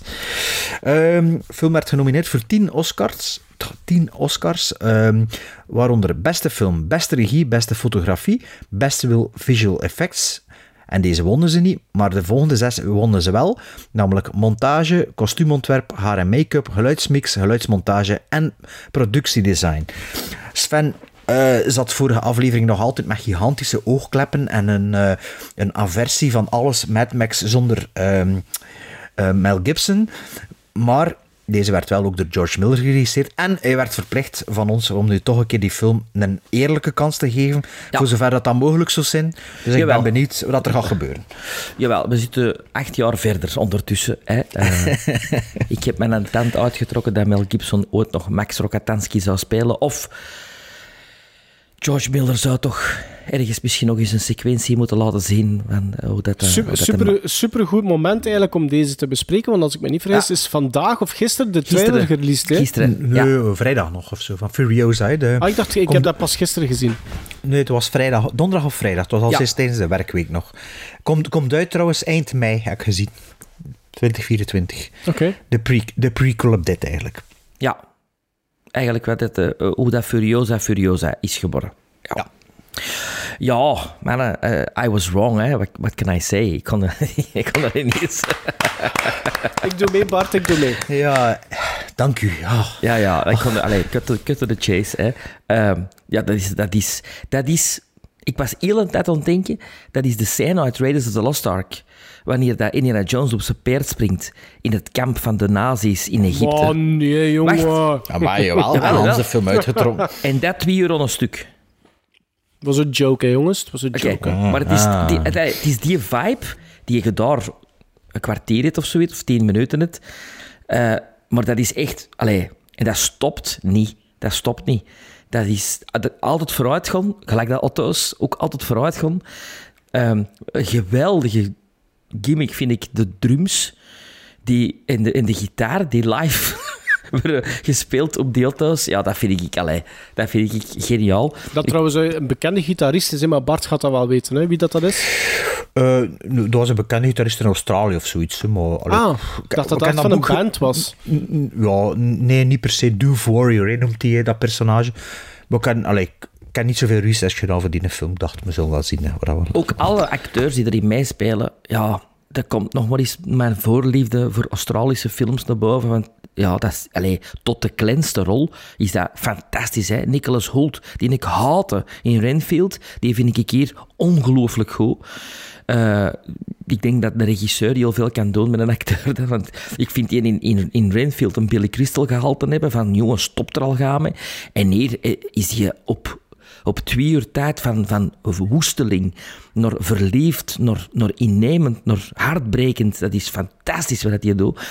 Iedereen speelt ook heel, heel erg met, met, met zijn ogen.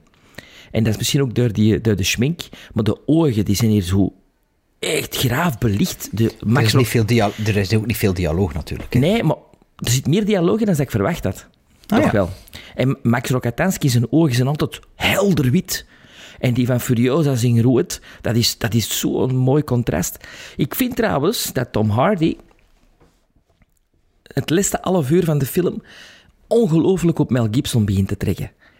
In, in, in zijn look. En dan vooral de look uit een, uit een, eh, de derde film, uit de Thunderdome. Zo met dat, met dat stoppelbordje en zo bruin. En ja, de chemistry between eh, eh, Tom Hardy en, en Tyrone. Charlize, ja. Ja, op de set moet dat wat geweest zijn, schijnt. Die, die hadden een totaal, boek gelezen, hè. een totaal een andere aanpak van, van werken. Charlize Theron is meer mijn aanpak van... Film het nou maar al, kom, doe het maar al. En, en hij wou elke beweging, waarom en de analyse. En, en die weer zot van elkaar schijnt. Eh, op een gegeven moment, ik heb, ik een beetje opzoekingswerk gedaan, je zult het wel weten, Bertha, dat Nicolas Holt zei, het was precies zo of eh, de kinderen zaten op de achterbank, hè, de, dus de, de, de bruiden en hij, en moeder en vader zaten van voor en die waren heel een tijd aan bras aan het maken of gewoon koude oorlog en niks tegen elkaar aan het zeggen. Zo. geweldig, geweldig verhaal. Dat vind ik heel leuk, hè? Kom- kom- Ja. komt, er, komt er ook nog bij dat ze eigenlijk totaal geen benul hadden wat ze aan het maken waren. Hè. Dat, was, ja, dat waren allemaal zoveel korte shotjes en, en dit. En, en dat staat volledig, dat staat al twintig jaar in George Miller zijn hoofd. Die film is ook verkocht op basis van storyboards. Dus niet op scenario, maar ze hebben gewoon de storyboards achter elkaar gezet. En dat is bijna e- één op één wat er gedraaid is ook. Maar ja, natuurlijk voor de acteurs die meer, hebben, meer nodig hebben dan het Zuid-Afrikaanse van Charlize Theron. Is toch Zuid-Afrikaans, Ja, ja. Zo van, ah ja, zo wat Europeaanse aanpak. Ah, je, moet, nu- je moet nu van hier naar daar lopen en dat doen, oké. En dat het dan zo'n Tom Hardy heeft, die dan pijst dat hij Shakespeareaans is, die dan een motivatie moet krijgen van alles, is dat natuurlijk iets dat wel rapper botst. Hè. Ja, nou, ik vind dat je dat in de film absoluut niet voelt. Ik vind dat eh, een ongelooflijke Nee, dat is waar, Eh, die fotografie is waanzinnig. Die, die, die, ja, ik, ik heb één moment dat ik CGI zie, maar voor de rest denk ik, is dat allemaal precies echt? Grotendeels. ja. Grotendeels. Ja, Dat grotendeels is wel echt straf, hè. En de kostuums, de aankleding, is, allee, de art direction, dat is Oscar, hè? fenomenaal. Fenomenaal. Make-up, fenomenaal. Dat, dat, het enige minpunt, als het dan al een minpunt is, die, die, die gast die de dingen speelt, Immortan Joe, vind ik ook een goede callback, want dat is de acteur Ah ja, in dat is Het ook het. Maar die Ja. speelt ook keigoed. Eh, nee. Het zit een beetje... Maar is er dat dan negatief Ja, wat is minpunt dan? Nee, er zit een beetje tune in met de, hè, met de kale mannen en zo. Hè. Het enige negatief is, is het verhaal van No Escape van Ray Liotta. Ik bedoelde? Buiten Furiosa en, de- en, en, de, en, de, en de meisjes en zo. Ja, dat is gewoon een gast die zijn volk onder druk... Dat is in, in No Escape toch ook in die gevangenis. Die gast die Ja, alles... maar hij heeft meer macht, hè? Omwille van het feit dat hij over het water beschikt Ja, en zo. maar dat is in No Escape toch ook een beetje zo. Dus dat, dat is zie- Laat dat- zeggen, die link heb ik niet gelegd. Moest het verhaal, ja, ik ook niet, maar moest het verhaal al gelijk zijn, is niet op dezelfde manier geregisseerd. Nee, absoluut niet. absoluut niet. Dat is een klein minpuntje. Ik vond ook een heel leuke Dark Crystal-referentie. Ik weet niet of dat je die Ja. gezien hebt. Ja, natuurlijk. De stelt, nee. Allee, ja, de, maar dat is gewoon dat is één op één. Ah, in die wasteland daar. Ja, Ja. dat is, vind ik echt tof. Ehm, ja, adrenaline. Eh, eh, ik weet niet waarom dat ik dat... Ik denk dat ik de eerste keer er niet klaar voor was. Vond dat- te zenuwachtig. En ik weet nog exact het moment waarop dat ik het heb afgezet. En dat was na 25 minuten. En dat was na zo het moment dat het even voor de eerste keer tot rust komt. Eigenlijk. Dat is na 25 minuten. Eh, ja, top hè. Top. Ja, eh, Sven, ben al blij dat het niet helemaal eh, smakeloos zit. En dat het dit toch wist te, wist wist te smaken. niet helemaal smakeloos. Allee. Nee, eh, kijk, het was voor mij... Ik heb het gezien op Letterboxd, want ik had al Letterboxd toen Mad Max Fury Road uitkwam. Het was de zesde keer dat ik hem gezien heb. Wauw. ik dacht, ja, misschien is het te kort geleden sinds dat ik hem laatst zag. Dat was eh, juli 2021. En voordat ik begon te kijken, ik dacht, ja, we zullen wel zien. Natuurlijk moet je niet vergeten, dat was mijn nummer twee films uh, van het decennium. Hè, van, toen we die aflevering ooit gedaan hebben, films van 2010 tot 2019, 2020 mochten we niet meetellen of zoiets, weet je dat nog? Mm -hmm. Toen stond er toen stond bij Maart Nocturnal Animals op één, dat weet ik nog. En uh, Juist. bij mij de Social Network. Dus uh, dat was mijn tweede film van, van, ja, van dat decennium. Um, terwijl ik eigenlijk de Social Network nog niet, lang niet zoveel gezien heb als uh, Mad Max Fury Road. Dus uh, vandaag heb ik hem er dan toch wel weer in, ingeschoven. En ja, de film begint en hier met mijn soundbar. Die sound van die film, dat is zo hard dat dat is. Dat, ik heb allee, mijn koptelefoon gezien. Oh, wow, is, nice. Ja, ja, dat is leuk. Ja. Dat, dat, dat, komt binnen, hè, man, vanaf het ja. begin. En je zegt inderdaad, van na 20 minuten is er een rustpunt. Want het vertrekt zo. En ik dacht, alleen, omdat ik de film zo goed ken, dacht ik van, ik ga nu een keer opletten. Of dat ze een, um, hun hecticiteit, dat ze, they, that they don't outstay their welcome. Maar helemaal in het begin hadden zo de... Goh, de, de gevangenisnamen van Mad Max. En dat is heel, heel flashy, heel snel hard gemonteerd. Maar gelukkig stoppen ze daar tijdig mee, voordat er zo'n beetje ja, passé zo kan beginnen Over, Overkill, ja. Of overkill, of zo'n beetje van, goh ja, blijft dat wel werken, zoiets.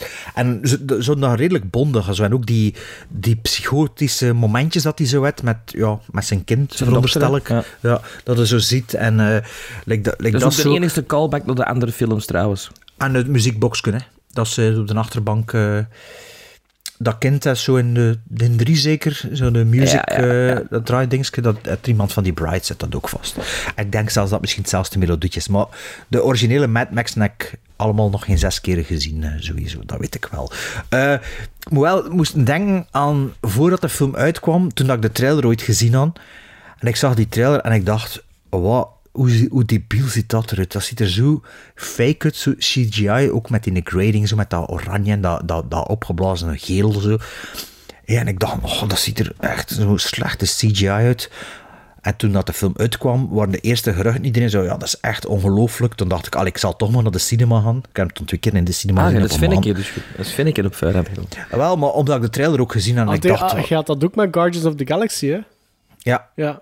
En dat, ja, maar dat was vooral ook van... En met Elvis, waarover, dat ook. waarover had. Met Elvis, dat was vooral hoe dat een ander eruit zag, inderdaad. Maar, maar bij dat hier was dat echt zo van die zijn slechte CGI. Maar eigenlijk, inderdaad, dat je naar de film ziet, voelde aan alles dat dat echt is. Het is ook grotendeels echt gedaan. Dat flippen van die grote, van die grote truck, dat is echt gedaan. Allee, je hebt er ook wel making-ofs van. Uh, ja, de meeste ontploffing. Uh, die hebben echt ook in de. Is in Angola dat ze gezeten hebben of zo? Ze zijn echt maanden daar in de woestijn gezeten. Waarbij dat ze dan ook eigenlijk. Wat dan in hotels waren. En, ja, dat zal een dorp geweest zijn zeker. Of een klein stadje. Dat er ook super onveilig was voor de crew en de cast. En, allee, dus dat was echt wel een, een, een harde tournage. Dat het er nog die spanning net. Plus iedereen had zoiets van: ja, waar zijn we mee bezig?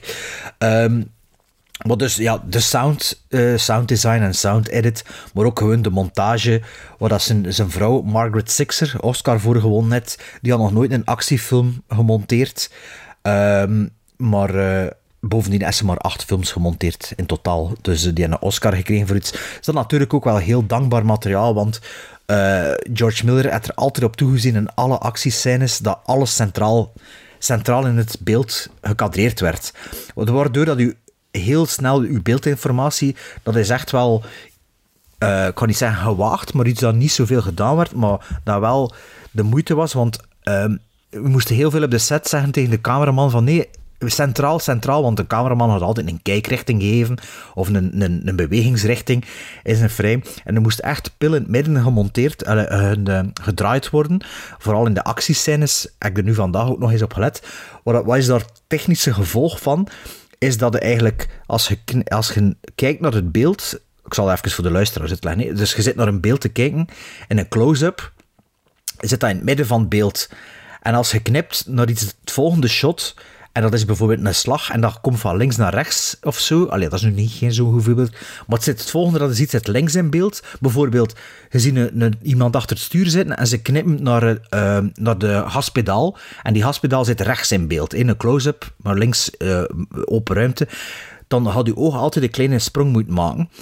En doordat een actie zo snel gemonteerd is, ja, zo de, op den duur niet meer goed weten waar dat hij zich bevindt in de shot of in de scène. Maar doordat alles centraal in beeld gekut wordt, moet je oog maar gewoon voor zich, alleen moet je oog het beeld niet afscannen. En zie je direct wat er gebeurt. Snap je een beetje wat ik wil zeggen? Eigenlijk gelijk dat je auto rijdt.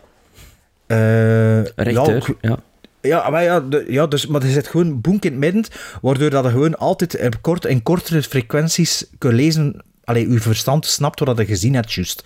Terwijl is bij een John Wick of bij een eh, Atomic Blonde, heb je dat niet. Dat is gewoon all over the place en je ziet niet wat er gebeurt.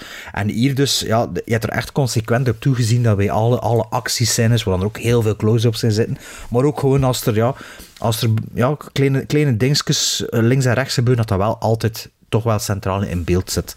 Ehm, ja, de art direction, de kostuum, de make-up, ja, dat bluff na zes visies. Ja, dat bluff uitstekend, nee, dat, dat klopt allemaal. Uh, het enige dat ik wel altijd een beetje onnozel gevonden heb, maar dat ik nu al, al gewoon horen zit. De drums vind ik cool. Die gitarist, dat vond ik zo foempe. De eerste keer dat ik dat zag. En ik zit er, allee, I, I maar er wordt wel, maar er wordt wel heel goed mee omgegaan. Ja, sound, ja. Qua sounddesign gewijs, want op een gegeven moment zijn er camerabewegingen die voorbij dienen. Grote ja, druk. dan passeren. En dan passeren. Dat vind, ik, dat vind ik fenomenaal goed, hè? Ja, dus dat is een van de weinige dingen dat ik wel nog, dat ik nu nog altijd een beetje bij van, een beetje, een beetje foempig. Zo. Wat er ook cool is, is dat de film pakt, pakt rustpunten in. Dus ja, het is een chase heel de tijd, maar hij, hij bepaalde rustpunten dat ze op bepaalde manieren doen. Er zit ook een Wages of Fear scène in eigenlijk. Um, dat ze dat ze bij elke keer Ja. dat terug op hang, uh, dat elke, keer, elke keer dat terug op hang komt, dat ze een nieuw element introduceren. Eh, harpoenen met, met, eh, met ploegen, eh, van die polkats die heen en weer gaan. Het is elke keer zo ietsje anders. De eerste gevecht is zo met, met, veel meer met granaten. En het voelt Dus niet stekelvarkenswagens. ja, voilà. Het voelt dat zo niet aan van zo... Ah ja, ja, hoe komt het dat ze dat nu niet meer doen? Nee, je zit gewoon in die flow. En ah ja, er is iets nieuws waardoor dat het eigenlijk onbewust ook veel interessanter blijft vinden. Moest het elke keer op dezelfde manier zijn, zou er ook veel rapper mentaal afhangen, denk ik. Ehm wat, eh, wat ging ik nog zeggen hier? Ah ja, op het einde, eh, de laatste setpiece ehm, van, van de achtervolging, in mijn hoofd was dat wel iets veel groter. Dat, dat is redelijk rap, rap afgelopen Ja. eigenlijk, dat stukje. Ja, en in mijn hoofd was dat veel, veel, een veel grotere apotheose. Maar ja, is dat daarom slechter? Nee, want het was gewoon in mijn hoofd. En daar zit er wel een stukje CGI in. Dus eh, in, eh, Ja. Ah ja, nee, maar Ah ja, ja, als het, die het zo- laatste beeld, het laatste Ja. beeld dat, Ja. je, dat je door, de, door het stuur gaat, ook. ja, ook. Over het stuur gesproken, ook een ontwerp van een Belgische kunstenaar. En uw onkel had dat of zo, Ja, zeker? die heeft er, er twee werken van. Ja. Van, en is dat van die Belgische kunstenaar? Of, en weet je precies welk stuur dat, dat is? Of heeft hij ze allemaal gemaakt? Of wat had er... eh, Allee, zo dat met dat logo en een stuur, het met die Met skull. die skull, ja. Denk Met met die skull is van een Belg gemaakt, Ja. volgens Ja. mij. Ja. Ehm, en dat was toch een onkel? Of Ja, een achterneef? Ja. die- Allee, en, dat is eigenlijk mijn, dat is de neef van mijn moeder, maar ik noem dat mijn onkel. En is dat een kunstverzamelaar? Of is dat een filmfreak? Of is dat gewoon Het is gewoon een mens Nee. met veel geld. met veel geld? Ja, Dat zo. helpt, dat helpt. Het spijt me dat uw onkel niet is, hè. Ehm, ja, voor de rest, wat valt er hier nog te zeggen over die film? Ja, kijk, na de zesde keer vond ik niet dat dat te, lang, dat dat te kort geleden was dat ik hem gezien heb, want dat begint. Ik zit kijk, daar naartoe te kijken en oh, ik heb nu wel in twee stukken gekeken vanmiddag, omdat ik nog iets anders moest doen, maar oh, ja... Dat is gewoon, ik heb hem volgens mij, ik heb hem zes keer gezien, maar ik heb volgens mij op tv ook al twee keer een half gekeken, ook nog een keer gewoon. Allee, dat ik er je gewoon, dus, ja. dat ik blijf hangen en dat ik hem ook niet moet uitkijken per se. Ehm, ja, het enige dat ik, dat ik daar als, als kritiek wil geven, is dat, ja, dat het redelijk eendimensioneel is. Dat er niet veel karakterontwikkeling hebt en, en dit en dat. En dat dat op en af is. Maar en dat, dat, is geen ene met Max film, hè. maar nee, maar als je wel kritiek geeft, maar ik vind dat geen kritiek. Allee, ik vind dat geen. Dat is niet het soort film dat dat is. Dus voor mij is dat. eh, ja, dat is top of the, top of the bill voor mij. Mad Max Fury Road. Ja, dat dat is, ook geen, geen verrassing is. nee, dat is zeker geen kritiek. Voor mij is het de derde keer dat ik die film nu gezien heb. Dat is zeker geen kritiek. En waarom is dat geen kritiek? Omdat dat binnen de wereld die George Miller creëert, en die eigenlijk al gecreëerd heeft eh, doorheen zijn, zijn eerste trilogie, klopt alles. Voor mij hè, klopt alles aan Mad Max Fury Road. Character designs, um, uh, location, uh, sets, uh, villain, alle andere personages. de, de, de rariteiten binnenin, binnenin die wereld van Fury Road. Alles, alles, alles klopt. Ik vind alles zodanig geloofwaardig binnen Mad Max Fury Road in het apocalyptische gegeven van die film. En ik ben daarin mee, ik ga daarin mee. En in de derde keer van Fury Road ging ik daar opnieuw in mee. Ik zat wederom vanaf minuut 2 op het puntje van mijn zetel. En wederom, ik ben daar niet van afgegleden. Er zijn inderdaad rustpunten die, die nodig zijn misschien. Ja, absoluut. Ja, die zijn nodig. Die nodig zijn. Maar dat is op zo'n clevere manier ook verweven en geschreven binnenin die gigantische achtervolging, wat dat eigenlijk Hans de film is. Dat die. Ze voelen ook niet aan als rustpunten. Ze, het zijn rustpunten, maar binnenin de chase. spanning en dreiging in de lucht. Ja. Dus die, die, die tension gaat nooit uit mijn lijf als ik naar die film aan het kijken ben. En uh, ik vind alles, ik vind, ik, ik vind die stunts, die, die stunts in Fury Road, dat is, dat is weergaloos. Hè? Al die flips, al die stuntmannen dat je daar ziet vliegen, die uit een auto vliegen, die, die, die, ja, ik weet niet hoe dat, dat, wat dat ik er allemaal die labels op moet plakken. Die, die, die gasten die inderdaad op die pols heen en weer aan, aan, aan het swingen zijn, dat is toch, dat is toch du jamais vu. Dat is, je moet die film echt wel heel veel krediet geven. Hè? En inderdaad, als dat inderdaad al twintig jaar in het brein zat van George Miller, wel kudos en gelukkig voor ons dat die man die film heeft mogen maken uiteindelijk. Want anders waren wij een gigantisch goede film um, ontzien, hè. Um, het was pas duidelijk bij de première wat voor iets dat was. Voor de studios ook. Dus het was echt. Uh... Ja, dat, dat, mag zijn. Maar pas op, dan. dan, dan um, alle, alle... die mens heeft toch een palmaris waar je zou zeggen: ja, doe maar.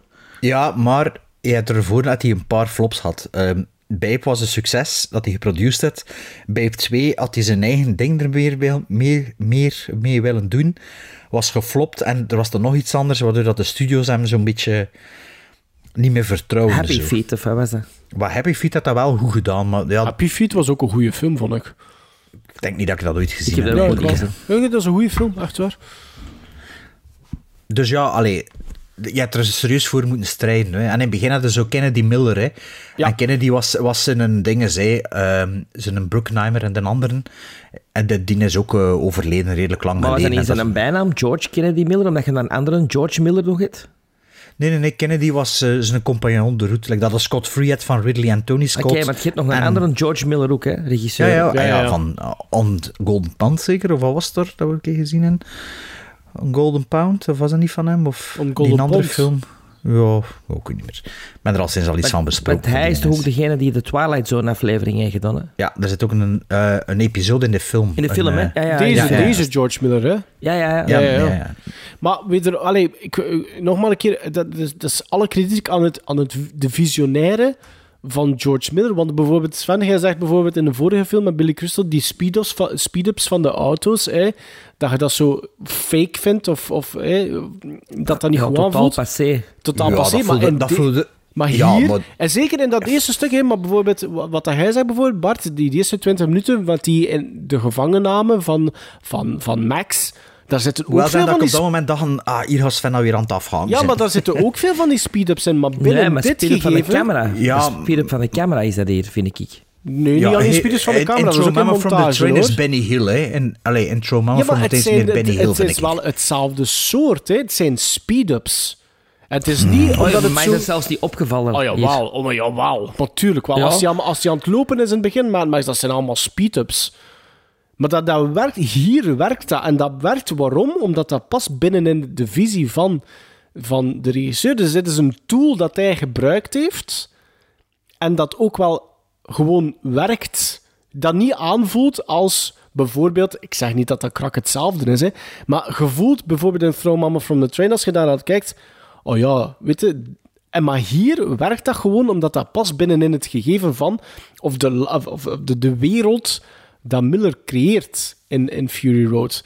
Maar ik heb eigenlijk bijna geen minpunten hier op te merken. Nee, wat je vooral voelt, is dat deze regisseur in tegenstelling tot Spielberg, met oud worden, eh, moderner gaan filmen als in het begin. En, Well, ja, 300 years, 3000 Years of Longing was dan ook wel niet. Allee. Heb ik nog altijd niet gezien. Nee, dat, Ja. dat was ook niet zo. Ja, ja. Wat, wat dat wel nog als je kritiek zou willen, kunnen, willen geven, is misschien wel dat wat, ja, wat jammer is, omdat het een klein beetje de aandacht van de essentie afhoudt. Als grootste voorbeeld Phantom bijvoorbeeld, is dat Mad Max noemt en dat niet met, niet met Mel Gibson is. En dat is een beetje jammer, want eigenlijk had dat verhaal dan niet nodig. Want er stond op in het begin ook, eh ehm eh, allee, hoe noemt hij weer? Matt, Ma- eh, Tom Hardy as Max Rokatansky. Ja. En eigenlijk ja, zeg je daarmee wel dat, dezelfde, dat, ze- allee, dat hetzelfde personages... Het is het ook, hè? Ja, ah, wel, ja. En dat is wel wat jammer, want je zult... En het trouwens ook meer over Furioos dan over Mad Max. Dus, dus dat is wel iets dat je zo kunt zeggen van, ja, dat is wel wat jammer, waardoor dan er misschien sommige mensen, like Sven zijn, die dan de film te, te lang links laten liggen en om zo... Omdat niet... Allee, Ja, maar ik vind aan de kant niet, want ik vind, ik vind wat, dat hier, wat dat Miller hier aantoont, is dat Mad Max een soort van... Ja, eh, f- univer- ja, ja. Allee, snap je? Dat, dat iedereen kan, die, kan Mad Max zijn binnen in dat universum. Ja, ik weet het, maar... Allee, Maar het is wel hetzelfde personage, hè? Het is Max Ja, ja, het is Maar waarom Eh, dat dan allee- de Furiosa niet Mad Max Furiosa heet? Wat nu, hè, de volgende is, is wel, eh, krijgt wel. eh, Ik, is ik denk dat Furiosa dat wel een, titel, een, een soort beslis, allee, commerciële beslissing geweest is voor dat wel Mad Max te noemen. Dat Maar denkt jij dat dat nog nodig was eigenlijk? Op dat In de- moment. in- wel, eh, ja, als je de film ziet, pij- pijzen ze natuurlijk van niet. Maar ja, op het moment dat het moet beginnen promoten en dat het moet beginnen gefinancierd krijgen. En Ja, als ze zeggen, ja, maar eh, wat is het dan aan een film? Ah ja, ze weet gelijk Mad Max, mijn vorige films. ja, voilà. En als je het dan Mad Max iets noemt, denk dat dat zoiets Ja, maar ja, is. niet, bon, zo- niet dat zoals is niet mijn vorige kritiek, films. Het maar- speelt hem wel af in hetzelfde apocalyptische landschap. Hè. Het is wel hetzelfde universum. Hè. Het, het tiert wel voort op, wat- op de Wel, maar trilogie. dat dat personage ook niet per se Max moet noemen. Ook al zegt het onder de titel van de film is Mad Max Fury Road. Nee, Dan maar ik vind dat... dan, ja, maar ik, Rocky pas op, Fury of zo. Ik weet, toch, ja, of- ik weet Bart, eh, ik weet, hij is van ook, wij zitten nu allemaal op dezelfde lijn, maar ik vind dat niet zozeer een... een ik snap het, als je dan toch op, op zoek bent naar negatieve punten, maar eigenlijk is dat Nee. geen negatief punt. Maar Furiosa mij niet, heeft hè. dat meer, hè? Furiosa is niet Mad Max Furiosa, hè? Is Furiosa. Ja, maar we zijn ondertussen ook wel acht jaar verder en allee, een klein clipje op TikTok en het is al recht. Allee, Ja, iedereen dat is, weet dat is ondertussen de recht Nee, af, maar ja. om maar te zeggen dat ze, een, dat ze een volgende Mad Max, die hem in productie, eh, die hem nu ont... Wacht, hè? Die volgend, project. volgend jaar verschijnt, Ja, hè, dus ze is zijn een monteren, Untitled. Mad Max project. Ja, maar ik weet niet of dat nog effectief eh, zal gebeuren. Oh. Want In op, op, production op, toch? hoe bedoel je, die, niet Furiosa, maar nog daarna. In Ja, The in Wasteland, Mad. Max Wasteland of zoiets. Want, Nee, Furio- Untitled Mad Max met Chris Hemsworth en Tom Hardy. Dus want bijvoorbeeld Oh, ja, op, op. IMDb, de volgende, dus mei 2024, is Furiosa, hè? Ja, ja, maar dan daarbij Upcoming, in production, is Ah, er, is er al een- een- is er al nog de één? Rokatansky met eh, Tom Hardy. Oké. Laat ons hopen dat de beste man nog leeft en niet seniel is tegen dat hij het moet draaien. Ik vind ook, ik vind, dat ik vind, ik hè? vind ook bijvoorbeeld eh, de, de, eh, wat dat, eh, Tom Hardy vooral, denk ik, nadien in posts in, qua, qua dialoog heeft gedaan.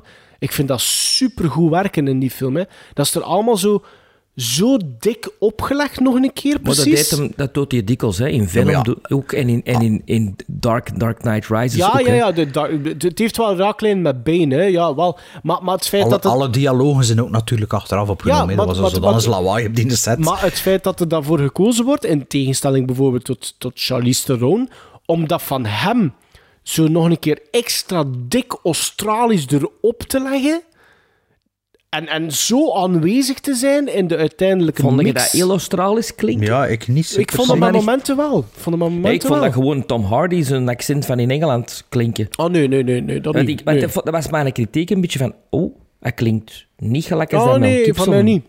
Nee, ik vond echt wel dat dat Australisch aanvoelde wel. Ja, dat, dat, ik, allee, ik vond dat wel. Maar ehm, er is wel, nadien is er zo wel wat controverse gekomen. Hè, want inderdaad, zijn vrouw heeft dat die Oscar gewonnen voor editing. Maar dan bleek dat, dat zij dat niet gedaan had. Of dat er toch hele grote stukken niet door haar gemonteerd waren. Ik weet niet, Ba- Bart, je hebt dat boek gelezen, hè?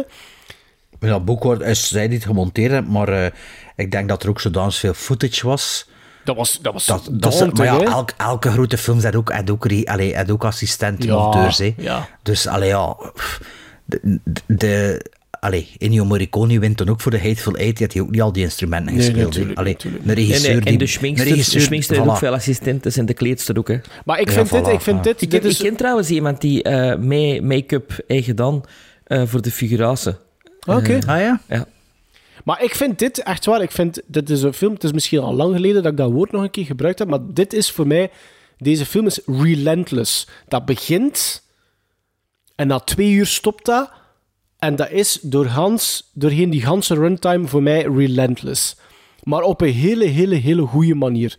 Echt een super goede, professionele, adequate manier gedaan. Dus ik, ik heb alleen maar lof. Ik zei de derde, derde viewing. En ik heb alleen maar lof voor, eh, voor Fury Road. Allee, we zullen een keer horen hoeveel gizmos dat onze first timer geeft, Sven. 8,5. 8,5. Voor mij is dat top popcorn entertainment van de bovenste plank. En als je dan toch 5 sterren op Letterboxd aan iets moet geven met een hartje, dan is dat toch wel aan dit. Dus voor mij is dat 10 gizmos. Dat is de eerste keer dat jij het 10 geeft. Ah ja, je moet dat voorhouden, voor- voorbouwen voor iets dat echt... eh, Wel, dan mogen we onze jingle bovenhalen, want het is misschien niet zo goed, of toch niet zo dik bedeeld als Bart, maar ik geef dat net dezelfde score als Sven. En dat is op 8,5 begonnen, eerste viewing, tweede viewing, 8,5, derde viewing, 8,5 gizmos. Alsjeblieft, seal of approval. Yeah, people do anything in front of a taxi driver. I mean anything. I don't drink, I don't smoke, I don't do drugs. I play video games. It's the constant drive to be the best at. Du danger, du courage et de la peur. Seal of approval.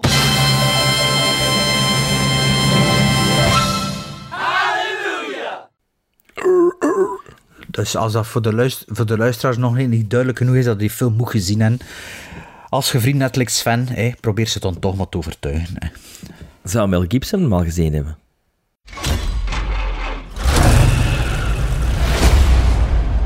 My world is fire and blood.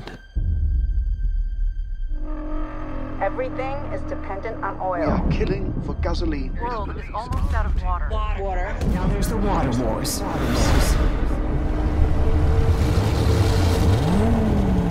Here they come again.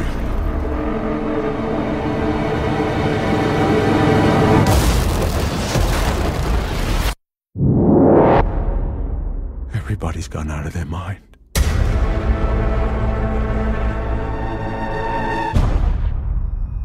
You're not the only one, Max. Out here, everything hurts. You want to get through this? Do as I say. Now pick up what you can and run.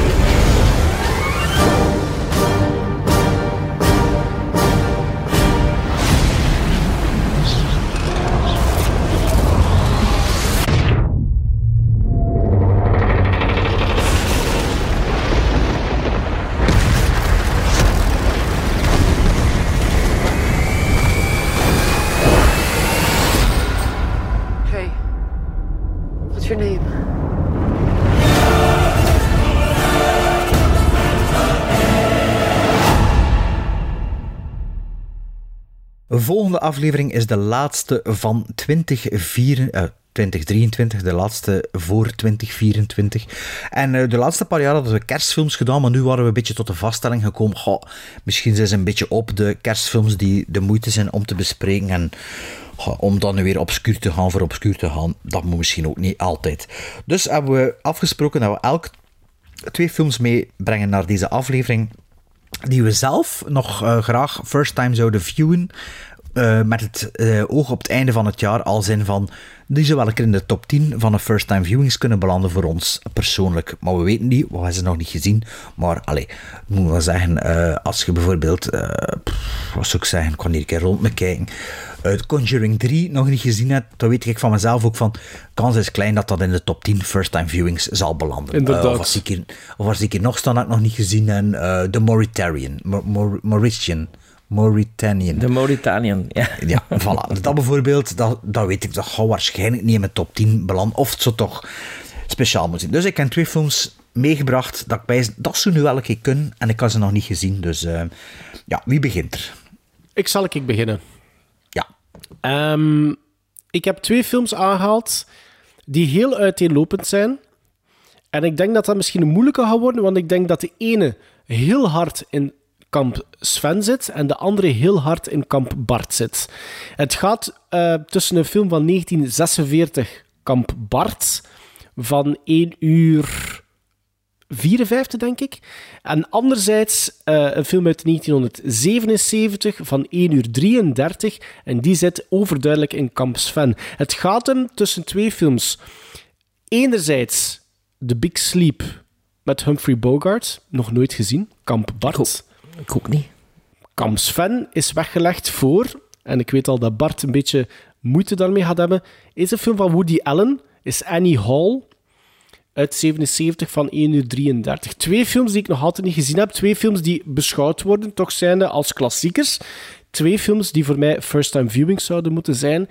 En ik Had laat nou gezegd- had hij nou gezegd Manhattan, dan was de keuze overduidelijk Woody Is Allen het niet voor Annie Hall, hè? Nee, nee. Ah, toch niet? Nee.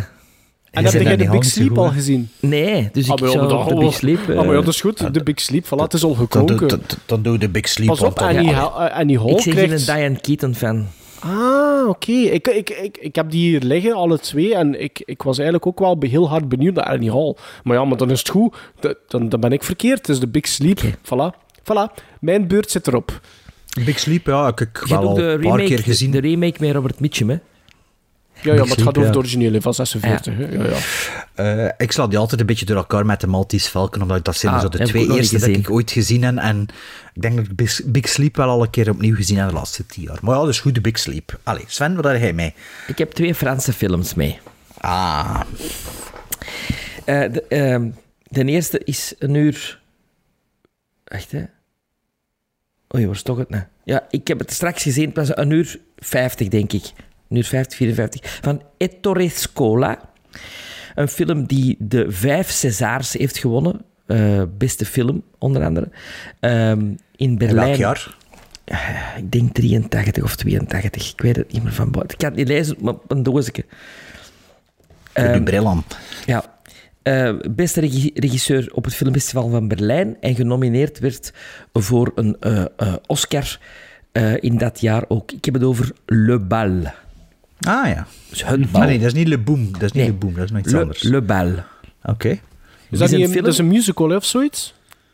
Muzikale film. Eh, Nee. Ah, nee. nee. Het is een film zonder dialoog. Ah ja. Dus zonder ondertitels.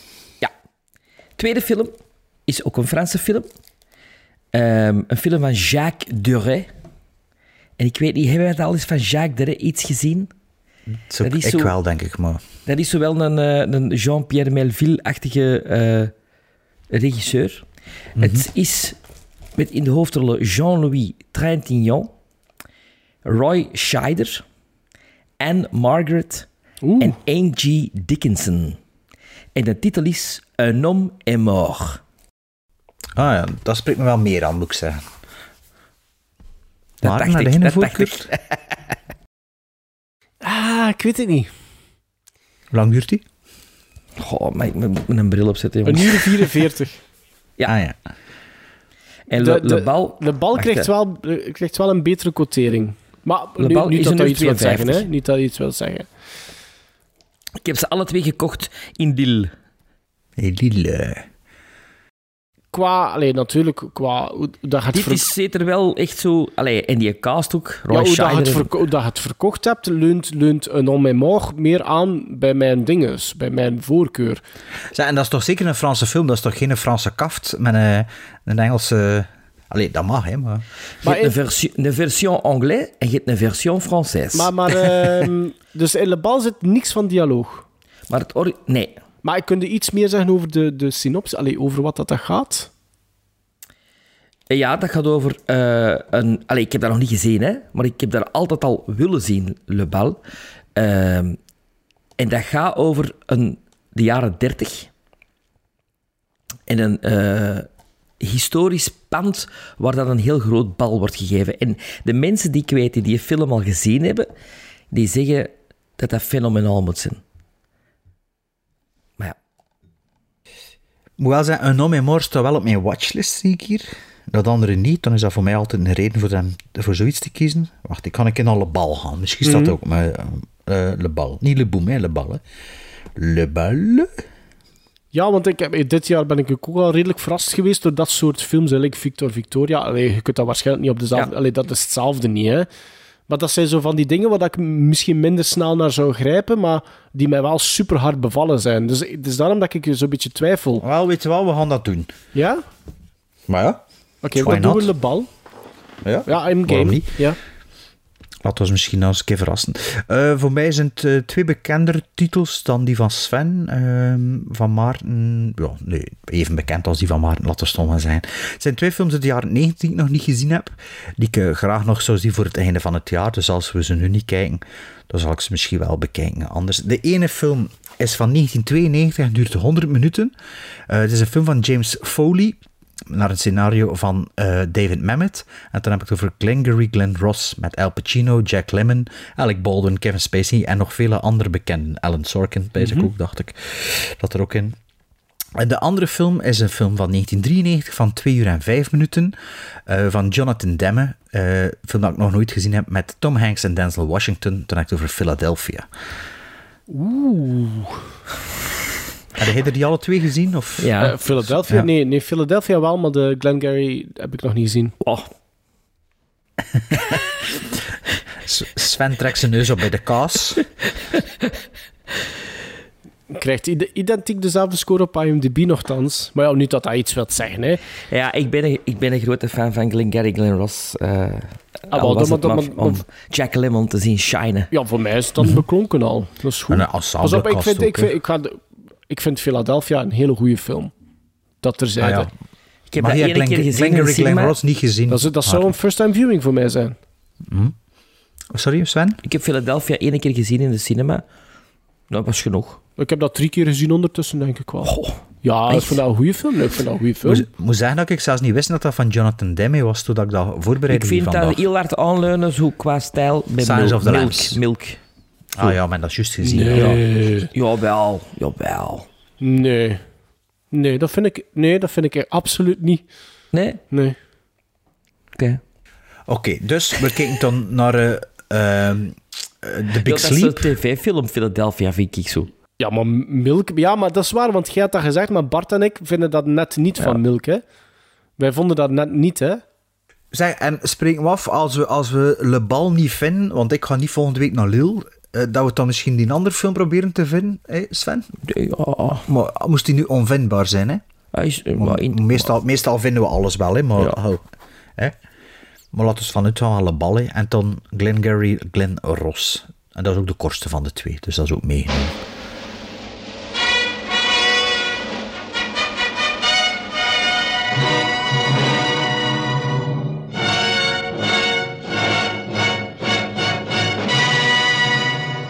Einde van aflevering 194 van de Gremlins Strike Back Film Podcast.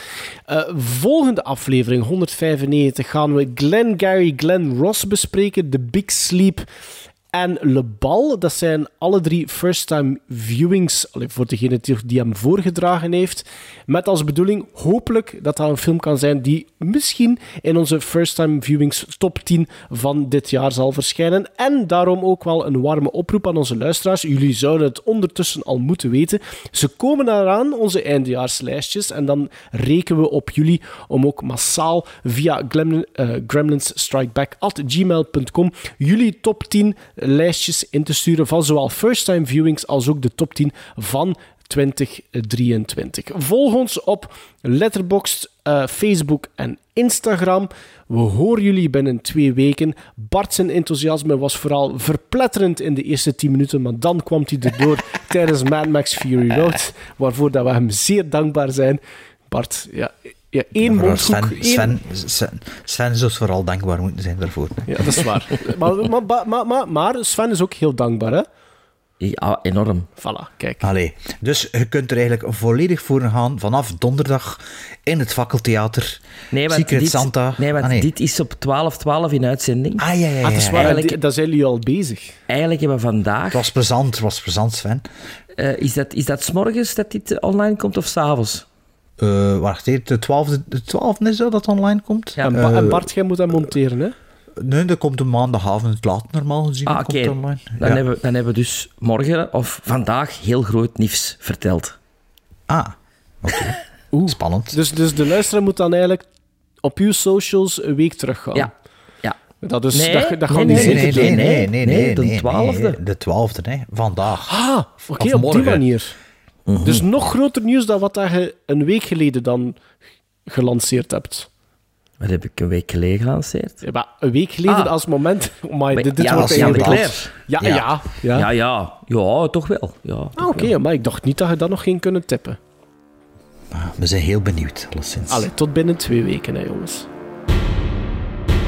Now, was that civilized? No, clearly not. Fun, but in no sense civilized.